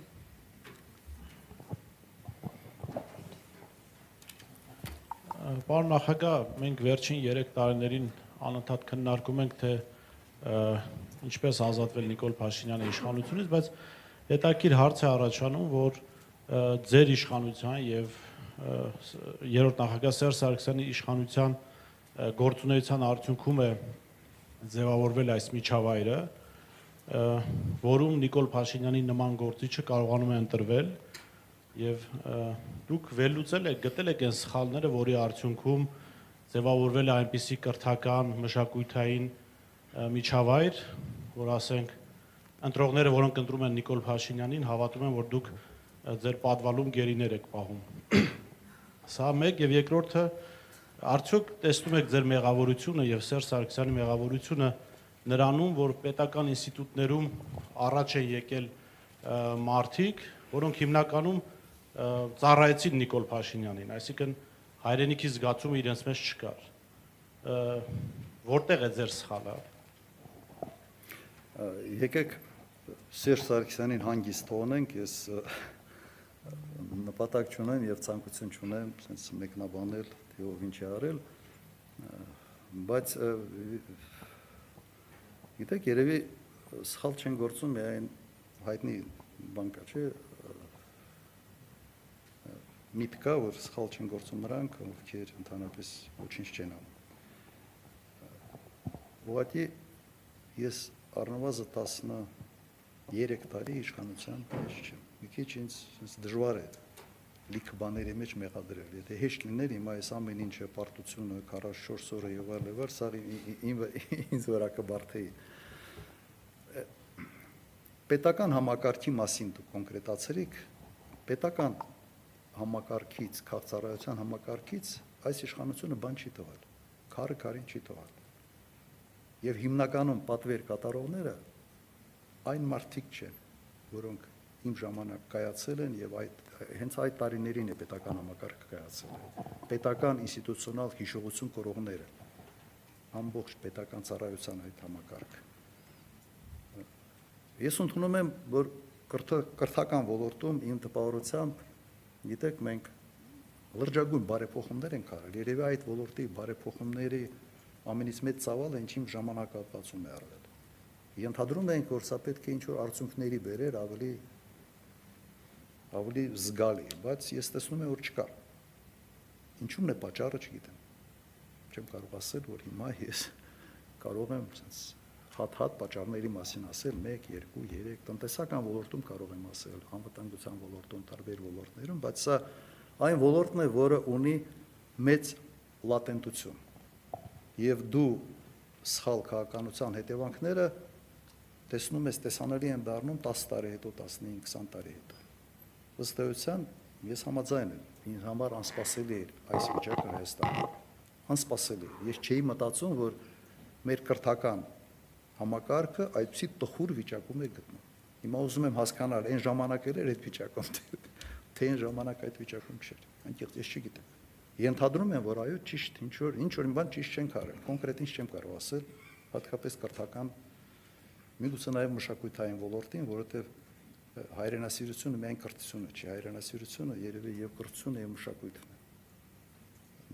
որոնք պետք է քո ինքնության մեջ ձևավորեին մի մի հզոր կապ. Պետություն, պետականություն, հող, հողի հետ կապը եթե կտրվում ես, եթե միայն ասենց բարձրագույն արժեքը քո ընտանիքն է եւ դրանից այն կողմ ոչ մի բան այդքան կարեւոր չի, ապա մենք ունենում ենք այն վիճակը, որը ունենք այսօր ուրեմն բանաձևն է աշխատում, որտեղ հաց անտեղ կաց, ուրեմն հողերի կորուս, սարերի կորուս, դա չես ընդունում որպես սպառնալի քո ընտանիքին, այդ բանը չկար։ Մեր ինքնության մեջ պետականությունը շատ փոքր տեղ է զբաղեցնում։ Ամենից մեծ խնդրեմը սա է, բայց սրա սա ավելի խորը խնդրեմ է կապված է մեր պատմության հետ նաև։ Մենք չենք կարողացել այդ ամբողջական պատկերը պետություն, քաղաքացի, ընտանիք այդ ամբողջականությունը չեն կարողացել sense ձևավորել։ Իմ տպավորությամբ խնդրեմը սա է։ Իսկ ստեղ ընդունում եմ կրթություն եւ մշակույթ։ Ինչ որ բան են չեն կարել։ Գործընկերներ առաջարկում եմ առաջիկա կես ժամում ավարտենք, իրականում էի եմ, խնդրեմ։ Լեզես Փայլակ Ֆարադյան, պարոն Քոչարյան, դուք նշեցիք, որ գործող իշխանության վարկանիշը նվազել է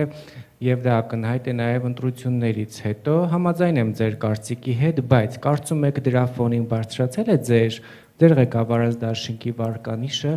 Եթե այդպես լիներ, ձեր նշած զանգվածները դուրս կգային փողոց եւ տեղի կունենար այն փոփոխությունը, որին սպասում են հասարակության ինչ որ զանգված։ Չեք կարծում, որ խնդիրը այնուամենայնիվ առաջնորդների մեջ է։ Երբևիցե մտածել եք դրա մասին եւ եղել է ձեր եւ Հայկ Մարությանի միջև հանդիպում։ Կներեք, որ երկու հարց տվեցի։ Այո, այո, այո։ Երկրորդ հարցը շատ բարձ հարց է, չի եղել։ Երբեք։ Երբեք չի եղել եւ ընդհանրապես այդ թեման այդ թեման այդ առումով ինձ համար այնքան անհետաքրքիր է, որ ոչինչ չեմ ուզում դրան արձագանքել։ Հիմա ինչ վերաբերվում է վարկանիշին, անկասկած նաև ընդդիմության վարկանիշն է ընկել Այո, ճիշտ եք։ Ոչի մենք մտածում ենք եւ մենք հույս ունենք, որ մեր վարկանիշը վերականգնվող վարկանիշ է։ Եթե խոսում ենք ընդդիմության մասին, որպես միավոր ինչ որ մի ընդհանրություն, իսկ իշխանության վարկանիշը այսպիսի տեմպերով անկման պարագայում չվերա չվերականգնվող անկում է։ Մեր գնահատականը սա է։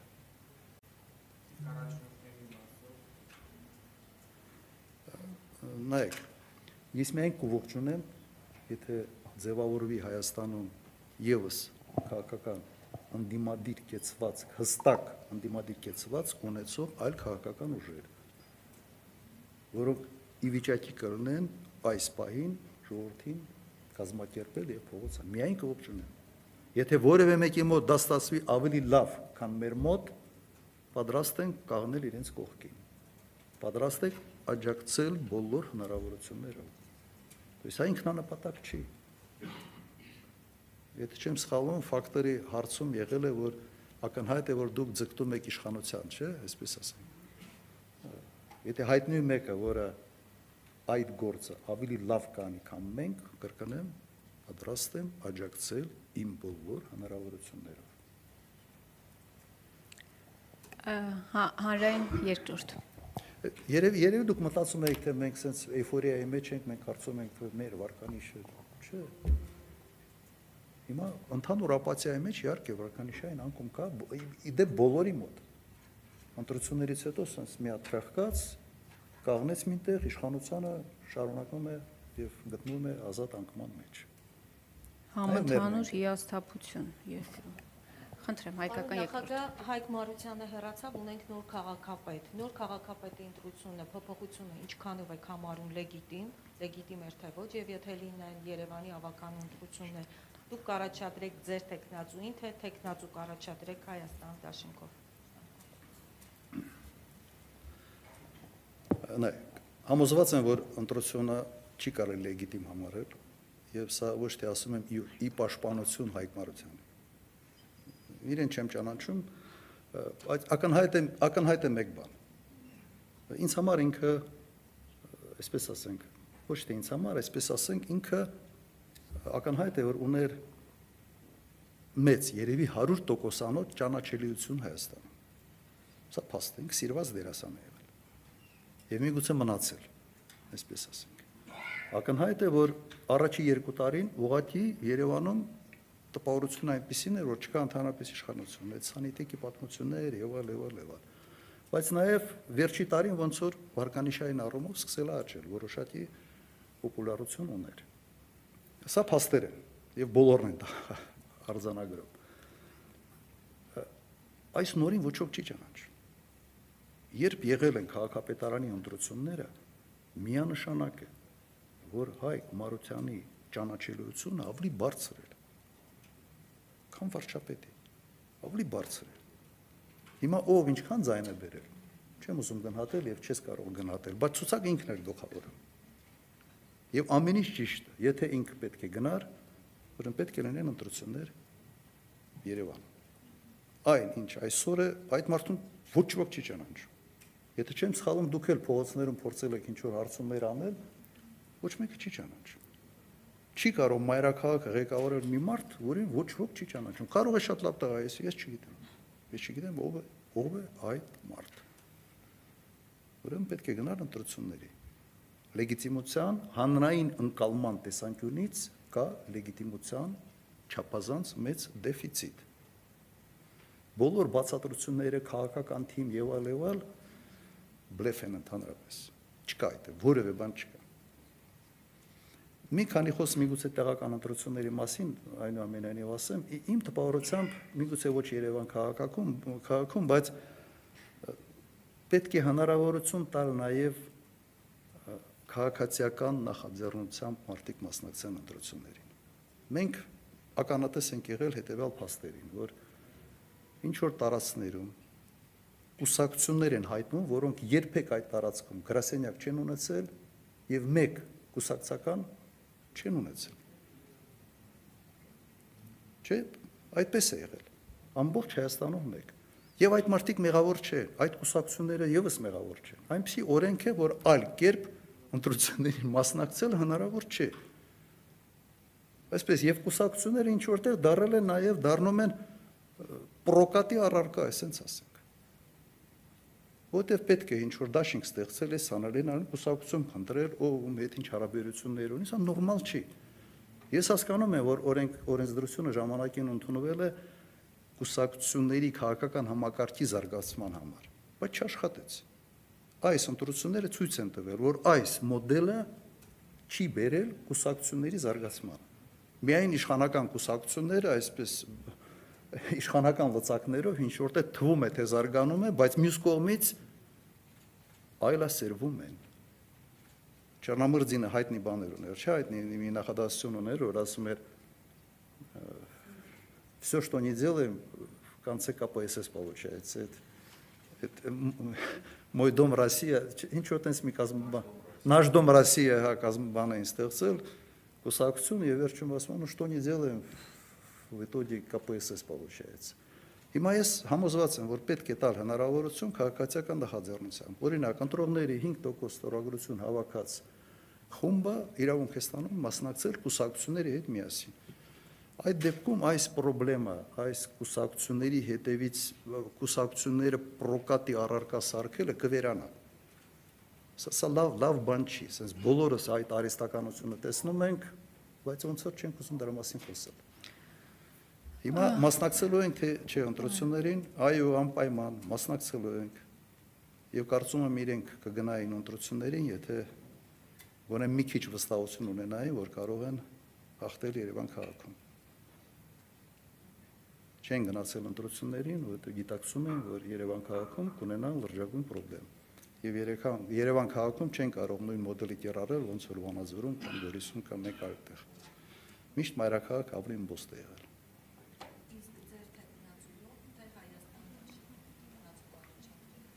Չեն քննարկել ընդհանրապես, չեմ ուզում սենց առաջ ընկնել, եթե լինեն ընտրություններ, պետք է գտնելու ենք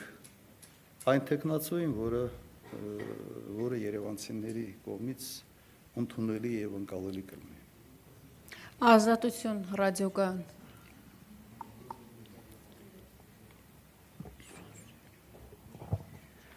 Պարոն Քոչարյան, հարցս կրկին Լեռնային Ղարաբաղի հակամարտությանն է վերաբերելու։ Արդյոք 97-ի մերժված փուլային փաթեթային տարբերակները այսօրվանից լավը չէին ու ինչպես ստացվեց, որ կոնֆլիկտի լուծումը երկարաձգվելու արդյունքում հայկական կողմի դիրքերը եւ հնարավորությունները չավելացան այս ընթացքում։ Վեր Մի հատ էլ վերջի ասեք, այդ դիմակը բան անում, մի քիչ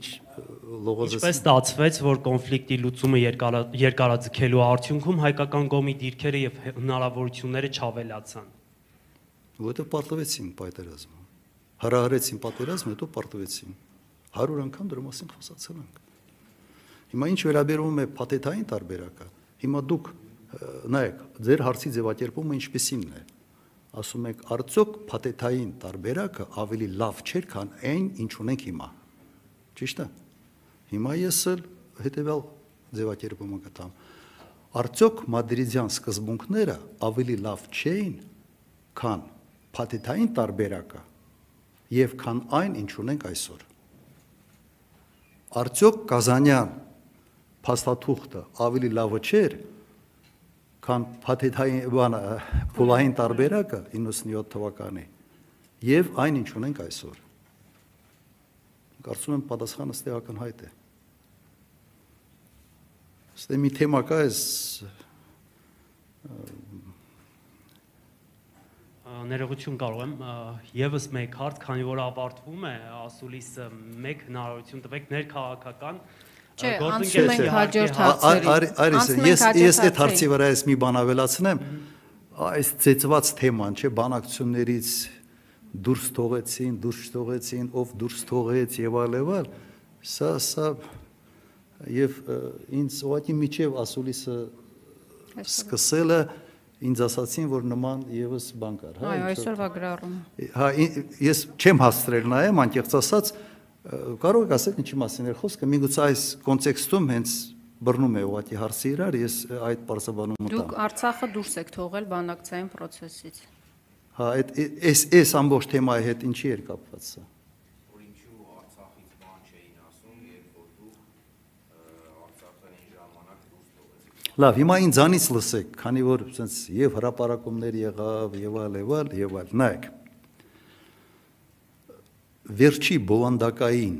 քննարկումը Մինսկի խմբի շրջանակներում եղել է, եթե չեմ սխալվում, հոկտեմբեր ամիս 96 թիվ։ Ես Ղարաբաղի նախագահն էի։ Դրանից հետո եղել է մեկ հանդիպում, որը այդպես էլ բովանդակային, այսպես մասին չի հասել, եւ այդ հանդիպման տարբեր եղել է ապրիլի 1-ին 97 թվականին։ Ես եղել եմ 10 օրվա նշանակված Հայաստանի Հանրապետության վարչապետ։ Մոտ 10 օր։ Ինչ է կատարվել այդ ընթացքում։ Հունվար ամսին համանախագահողները փոխվեցին եւ ստեղծվեց երյակը Ռուսաստան, Միացյալ Նահանգներ եւ Ֆրանսիա։ Մինչ այդ եղել է Ռուսաստանը եւ հերթով ֆիներն են եղել, շվեդերն են եղել, ասենց իրար փոխում էին եւ հիմնական քննարկումները եղել է Մինսկի խմբի շրջանակներում։ Այդ 9 պետությունների դեսպանները հավաքվում էին, հատուկ նշանակված դեսպանները եւ քննարկումներ էր գնում, որ ավելի շատ sense բան էր, sense ավելի շատ վարժանքներ էր, մտավոր sense երկու-երեք օր նստում քննարկում էին ինչ որ ավելի ինտելեկտուալ վարժանքների նմանություն էր թողնում եւ այստեղ Թուրքիան էլ կար իդեպ այդ երկրների մեջ հիմա ինչ են որոշել համանախագահողները հունվար 97 թիվ որ անում են եւս մեկ Մինսկի խմբի ձևաչափով նիստ բայց արդեն երեակներ այդ նիստը վարում եւ այդ նիստի վերջի օրը իրենք հայտարարում են 97 թիվ, ես վարչապետ եմ, որ իրենք անցնում են չելնոկային դիվանագիտության։ Իսկ իրենք տեսել են, որ Մինսկի խմբի ձևաչափով ուղղակի գործը որևէ կերպ առաջ չի գնում, իրենք փոխել են մասնակցության ձևաչափ։ Եվ դրանից հետո իրենք համանախագահողները երբևէ Մինսկի խումբ չեն հավաքել որպես այդպեսին։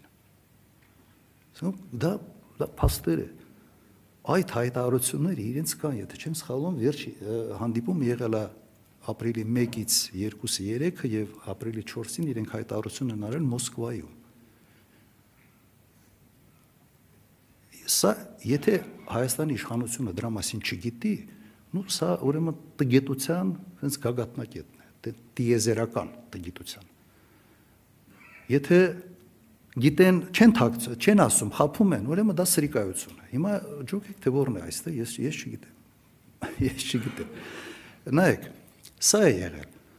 Հաջորդ արդեն դրանից հետո իրենք պետք է Մինսկի խումբը հավաքեին։ Մենք չենք հավաքող, ոչ Հայաստանն է, ոչ Ղարաբաղն է, ոչ էլ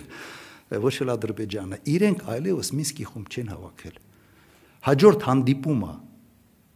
Ադրբեջանի նախագահի հետ ես ունեցել եմ 90 9 թվականին ապրիլի 1-ին նայեք 97 թիվ եւ 99 թիվ. Ապրիլի 1 Ռուսաստանում Ելցինի միջնորդությամբ ԱՊՀ-ի շրջանակներում ինչ որ հավաք է եղել եւ դրանից հետո ՆԱՏՕ-ի սամիտի ժամանակ 99 թիվ ապրիլի վերջ ՆԱՏՕ-ի 50-ամյակի ժամանակ այն ինչ ասում եմ ոչ թե իմ սենց հիշողության մեջ եմ պահում Սա ամբողջը փաստեր արձանագրված Հայաստանի Հանրապետության արտգործնախարարությունում ֆիքսված եւ եւ իդեպ Կազիմիրովի գրքում նաեւ ֆիքսված փաստեր են։ Ըստ էության ճիշտ է, բան Ժիրայելի Պարիսյան Վաֆա Գուլուզատե հանդիպումները նպաստել են սրան, բայց իրականում սա եղել է երրյակի որոշումը, այլևս Մինսկի խումբ չհավաքել եւ իրենք են հայտարարել, որ անցնում են չելնոչն է, ասենց ասենց էլ ասել են։ Ասենց չելնոկային դիվանագիտության։ Եվ այդ չելնոկային դիվանագիտությանը Ղարաբաղը միշտ ակտիվ մասնակից է եղել, միշտ։ Չի եղել դեպք, որ իրեն գան Հայաստան եւ չգնա Ղարաբաղ։ Չի եղել այդպիսի դեպք։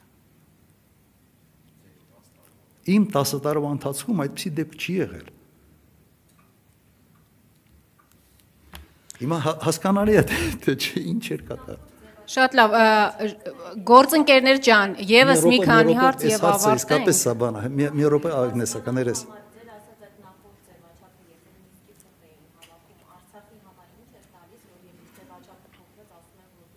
Նայեք, ես ես մասնակցել եմ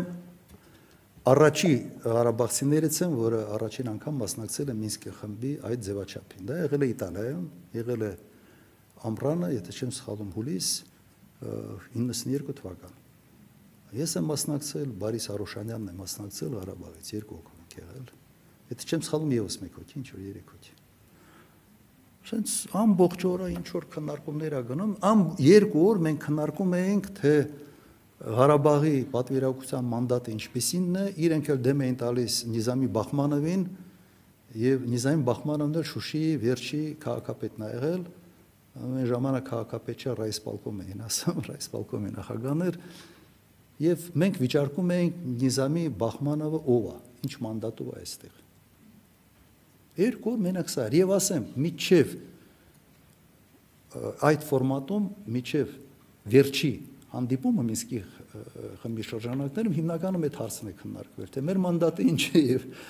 Նիզամի Բախմանովի մանդատը ինչ է։ Այսպես էր։ Ղարաբաղ այո մասնակցում էր, սեղանի շուրջը նստած էր։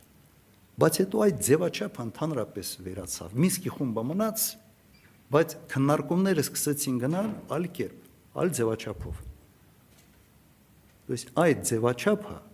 Եթե համանախագահները հավաքեին նույն ձևաչափ, ուրեմն Ղարաբաղը կլներ նաև այդ նույն ձևով նստած նույն սեղանի շուրջ։ Չեն հավաքել։ Համարել են, որ արդյունավետ չի եւ ճիշտ են համարել, անկեղծ ասեմ։ Դե ես մասնակցելուց հետո ասել եմ, ես այլևս թե չեմ գա, որտեղ այստեղ այս ֆորմատի մեջ հնարավոր չի որևէ բանի հասնել։ Կոֆե բրեյկերով, sense Անցնենք մի քանի հարց եւ ամփոփենք հավանաբար, չէ։ Live news, խնդրեմ։ Երկու ժամից ավել ենք, ես սովորաբար այդքան երկար չեմ տալիս, բայց լավ, հավաքված հարցեր կա։ Երկու հարց եւ եւս երկու աղջիկները եւ ավարտենք, պարոն նախագահ։ Շնորհակալություն, իհարկե ինձ համար շատ դժվար է հիմա Արցախի հարցուն եմ տալու չտալը, բայց հարգում եմ սահմանված ձևաչափը, ամեն դեպքում եթե ունենաք, հետո կհնչեցնեմ, պարոն Քոչարյան ներքաղաքական առումով կխնդրեի անդրադառնայք քաղաքական այլախոհների հետ կապված այս շարքին, այս շարանին, այսպես ասած, ձերբակալություններ, կալանավորումներ, Սյունիքի համայնքապետերն են կալանավորված, Աշոտ Մինասյան, վերջերս էլ դեկտեմբերի 22-ին կալանավորվեց ազգային անվտանգություն կուսակցության նախագահ Գառնիկ Իսագուլյանը շատ կարճ տեղեկացնեմ, որ բերման է ենթարկվել ուժի կիրառմամբ առանց ծանուցումներ կայացնելու եւ կալանքի համար հիմք է ասորիսում հնչեցրած հայտարարությունը Վլադիմիր Կարապետյանի հետ կապված այն առնչությամբ, որ թուրքական եւ ադրբեջանական հավաքագրված է այդ թուրքական եւ ադրբեջանական ծառայությունների կողմից մի ինֆորմացիա, որը 1 տարի շարունակ պատտվել է, շրջանառվել է տարբեր լրատվամիջոցներով։ Կխնդրեմ նախ գնահատականը պարոն Սագուլյանի կալանավորման հետ կապված եւ առհասարակ այս երևույթը ինչեւ ուր, ինչեւ երբ Իսկ հետո եթե հնարավորություն կունենաք Արցախի հետ կապված շատ կարճ։ Նայեք, ես ես ներածական խոսքում ժողովրդավարության հետ նանջի մասին ասացի, դա հետնանց չի, դա հրաժարվել է այն սկզբունքին, այս իշխանությունը հրաժարվեց այն սկզբունքից, որի շնորհիվ նաև որի դրոշների տակ եկել է իշխանության։ Եվ այդ առումով իսկապես հետաքրքիր էր Հայկ Մարությանի ելույթը։ Երբ որ մենք ենք դա ասում, ընկալումը մեկն է, երբ իրենց թիմի կարկառում ներկայացիչն է դա ասում, սա արժեքը մեկ մեկ ուրիշ է բայց նոր բան չասեց հիմա ինչ կատարվում է կալանավորումների հետ սա սա ոչ մի խայտարակություն է առաջինը քրեականացումը այդ խոսքի ազատության հետ կապված սա այն ձերբերումն էր որը իսկապես կարելի է ձերբերում համարել ժողովրդարացման գործընթացում եւ կալանավորումների այն քանակը, որ այսօր են, երբևէ որևէ իշխանությունների մոտ ոչ չի եղել։ Ես ասեմ հետեւյալը իմ նախագահության ժամանակ օրինակ տեղական ինքնակառավարման մարմիններին երբեք ուժային կառույցները երբեք չեն մասնակցել։ Երբեք այսպեսին ներգրավվածություն չի եղել։ Չի եղել, որ ասենց նստեն մարզպետ, անվտանգության եւ ոստիկանապետ տեղերում սենց մարզային բանով եւ սենց դու էս պիտի անես, դու էս չանես, չի եղել այդպիսի բան ընդհանրապես։ Այն ժամանակ նույնիսկ սենց մի բան ասեմ, ես այն ժամանակ եւ վարչապետին, վարչապետ Անդրանիկ Մարկարյանը, որը կուսակցական էր եւ իհարկե կար նաեւ ցանկություն շատ բնական ցանկություն կուսակցության կողմից, հենց մասնակցելու ամենտեղ ես զսպում էի միշտ։ Եվ ասում էի նայեք, սա տեղական ինքնակառավար մարմինների ընտրություններ ով էլ ընտրվի ցանկանալու է իշխանության հետ, կառավարության հետ լավ հարաբերություններ ունենալ։ Վերջը ինքը զբաղվելու է տեղական հարցերով։ Ով էլ ընտրվի, մենք պիտի այն գլխից համարենք, որ ով էլ ընտրվի, մեր բարեկամն է լինելու այդ մարդը։ Որովհետև ինքը չի կարող հաջողվել ասենց հակամարտության շուր ոճով այս է մոտեցում։ Հակառակ ասում է թողեք, ազատ թողնենք, ընտրվի այն մարդը, որը ամենից մեծ հարգանքն է վայելում տեղերում։ Մեկ այդ մարդը մեր բարեկամն է լինելու։ Մա ինչ բարդ կուսակցական է, կուսակցական չի, իմ համար ես որ կուսակցական չի, այդ այդ մոտիվացիան չունեի։ Ամենից վատը գիտեք ինչն է։ Իշխանությունը հանցանք են կատարում այս ամենով, բայց այդ հանցանքը կատարելիս հանցակից են դարձնում բազմաթիվ պաշտոնյաների։ Հանցակից են դարձնում։ Ոչ մի իշխանություն հավեր չի լինում։ Մի պահ է գալու բոլորը պատասխան են տալու այս ամեն ինչի համար, մասնա հանցակիցներ այսպես ասենք։ Հիմա հրահանգ տվողը ենթադրում են, որ ասենց իր մոտ լավ է ստացվում թռնելու է։ Ասենց այստեղից։ Բայց մյուսները մնալու են Եվ ամենից վատը, գիտեք, կա եւս մի աֆորիզմ, ասում է ոչինչ այդքան չի մտերած մտերմացնում մարդկանց, ինչքան համատեղ կատարած մեղքը։ Հանցանքը։ Հանցանքը։ Հիմա հիմա մենք առնչվում ենք այս փաստի հետ։ Եվ նաև օգտագործելով այս մամուլի ասուլիսը կասեմ, Ժորժ ջան, մի գնացեք նման բաների։ Ասեն ձեր համար հասկանում եմ, իմ շոր հրանգներ են տալիս, բայց մի գից քաշեք ասեք, այս գծից այն կողմ ես որպես պաշտոնյա չեմ գնալու։ Չեմ գնալու, որովհետև սրա համար գալու է պահը շատ ծանր պատասխան ենք տալու եւ ընդհանրապես ասենց վերջը այս ամեն ինչին շատ վատ է լինելու որոշ մարդկանց համար։ Ասենց ասում են ժոսկը, պասատկա լինելու, այդպես էլ Եվս երկու հարց, գուցե միասին ձևակերպեք հարցերը, եթե դեմ չեք։ Անտիֆեյք եւ երկիր եմ։ Միասին թե առանց։ Ես իմ հարցը Լավ, ոնց ուզում եք որ ժամանակ շահենք։ Բայց ավարտեք։ Աստղիկ Մաթևոսյան, պարոն նախագահ, արտարդ խորհրդարանական ընտրությունների արդյունքում ըստ էության հնարավոր չեղավ ներքաղաքական ճգնաժամի հանգուցալուծումը եւ գիտակից հատվածները հասկանում են, որ հնարավոր չի լինելու այնքան ժամանակ, քանի դեռ այս իշխանությունը շարունակում է իշխանության մնալ։ Միևնույն ժամանակ նշեցիք, որ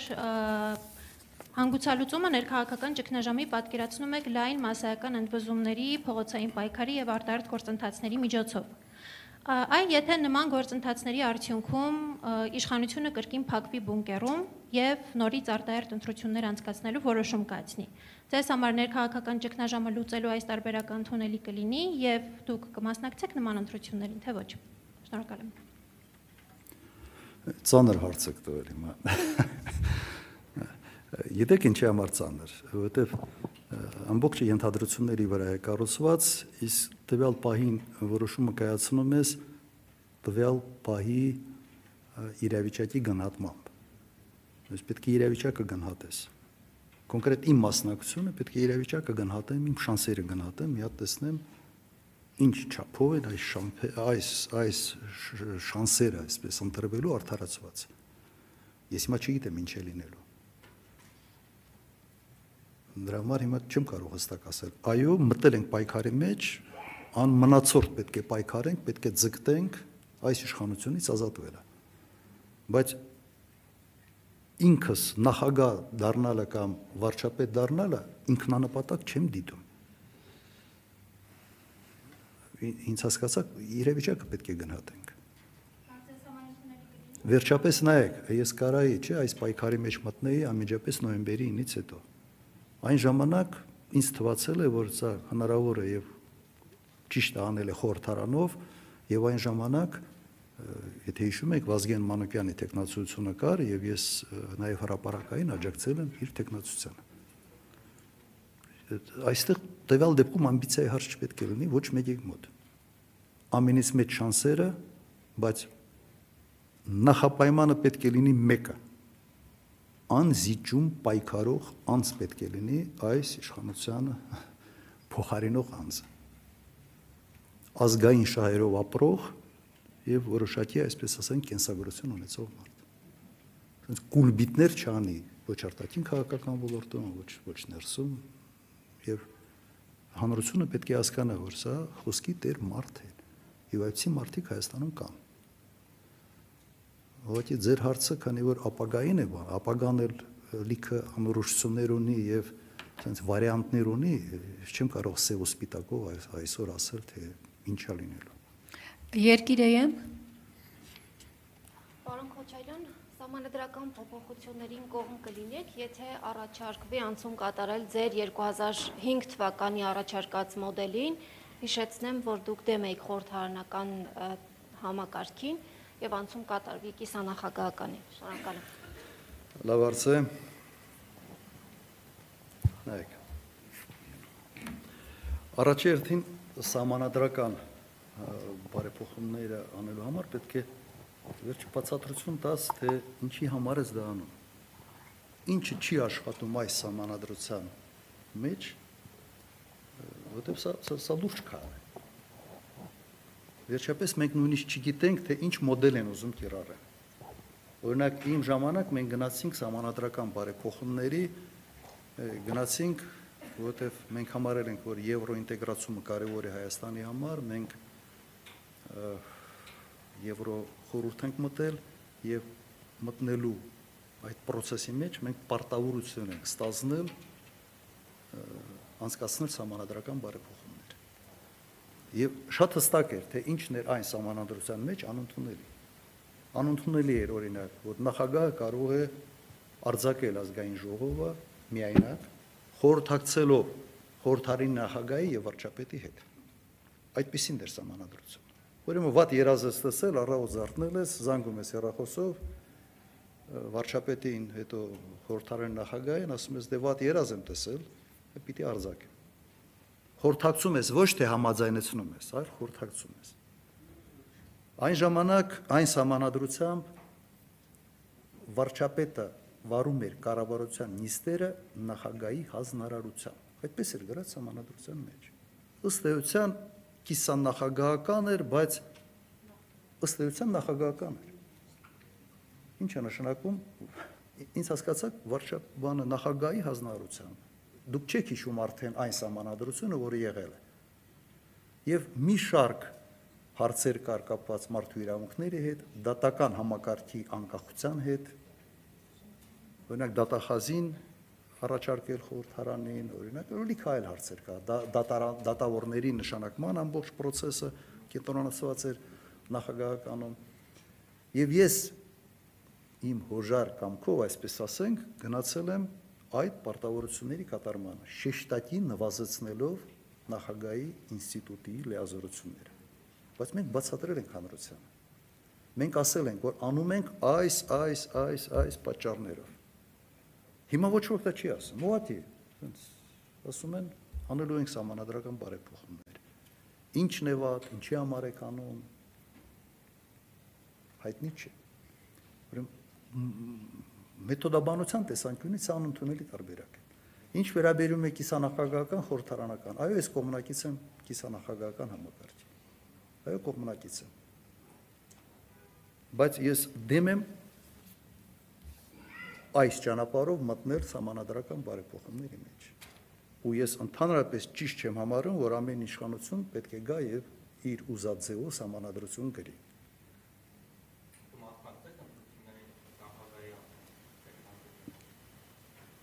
Այդ Կիկոսի պատմությունն է արդեն դառնում, եթե լինի, եթե նայեք, համանadrական բարեփոխ մենք նույնիսկ չգիտենք թե ինչ մոդել է առաջարկվելու։ Ես օրինակ չգիտեմ ես կարող եմ միանշանակ ասել, ոչ ոչ մի նախագահ Հայաստանում այդպիսի լիազորություններ չի ունեցել, ինչքան ունի այսօր վարչապետ։ Վարչապետ։ Ոչ մեկը չի ունեցել։ Սա նորմալ չի։ Բայց այդ լիազորությունների վերաբախշումը հիմա կարելի անել օրենքներով։ Օրինակ, քնչական մարմինները ամբողջությամբ հանել վարչապետի ենթակայությունից։ Կարելի է օրենքներով լիքը բաներ ամրագրել ի տարբերություն այն ժամանակվա սահմանադրությանը բոլոր փոփոխություններն են ենթադրվում հանրակրվեով, իսկ հիմա բավական փոփոխություններ կա, որը կարելի է անել խորհրդարանով։ Հիմա դուք ունեք մեծամասնություն։ Եթե իսկապես դուք ձգտում եք ավելի բալանսավորված իշխանական համակարգ ունենալը, ցույց տվեք։ Մի քանի քայլ արեք։ Այդ ձեր կողմից քննադատված սուպեր վարչապետության ինստիտուտի լիազորությունները նվազեցրեք ով ձեզ խանգարում։ Ձեր ձեռից ով է բռնում։ Արեք։ Դրա համար կա լրջագույն կասկած, որ այս ամենը արվում է մեկ այլ նպատակի համար sense հնարավորություն ստեղծել այսպես եւս ինչ որ մինտեղ տեղավորվելու ավարտենք ավարտենք կենտրոն հերոստանկերություն եւ ավարտում ենք աղջիկները չնեղանան մեզանից Վահե ջան այնտեղ մարդիկ կան որ չեն հարցրել անգամ հարց տա 2.5 ժամ կենտրոն հերոստանկերություն եւ ավարտենք երկար մամուլի ասուլիսը կլինի Ես չէի մտածում, թե այսքան երկար խոսալու բան շնորհք ունեմ։ Պարոն Քոչարյան, այսպեսի մի հարց եմ ուզում տալ վերջին հարցազրույցում Նիկոլ Փաշինյանն ասաց, որ ճիշտ կլինի իրեն լեգիտիմ կլինի ավելի շուտ իրեն մեղադրեն ոչ թե հողերը հանձնելու, այլ չհանձնելու համար։ Ուզում եմ ձեր տեսակետը ինչու՞մ եմ մեղադրում, օրինակ, ձեր թևը ձեր կուսակցությունը։ Լավ, լավ չհասկացա, մի հատ ասեք մեջբերում եմ ուղիղ Փաշինյանի խոսքերը, որ լեգիտիմ կլինի, որ իրեն մեղադրեն ոչ թե հողերը հանձնելու, այլ չհանձնելու համար։ Ձեր տեսակետը։ Սա մի քիչ հենց բան է։ Ռուսերեն կալամբուր են ասում, այդ կալամբուրը հայերեն ո՞նց է։ Կա այդ համարժեք։ Բայց իսկապես սա կալամբուր է, էլի, որտեղ իրեն շատ հանգիստ կարելի է մեղադրել եւ հանձնելու համար, եւ չհանձնելու համար։ Հանձնելու համար պատերազմի արդյունքով չհազնելու համար պատերազմը կաղնեցնելու բան։ Ուրեմն այդ բոլոր մեղադրանքները ընդհանրապես ասենց մի մեծ ուսապարկ մեղադրանքներ կա, էլի, վեշմեշոկ, ասենց քրեական օրենսգրքի վեշմեշոկ այս մարտիկ շալակած ման են գալիս։ Եվ միգուցե նաև սա է պատճառը, որ ինքնանպատակ է դարձել իշխանություն պահելը։ Ինքնանպատակը եւ սա հզոր մոտիվացիա եւ իրականում վախելու բան ունեն եւ պետք է ունենան։ Չի կարող պատահի դու այս աղետը բերես քո ժողովրդի քո երկրի գլխին եւ չվախենաս։ Հնարավոր չի։ Ճիշտ են անում, որ վախենում են եւ դա արտահայտվում է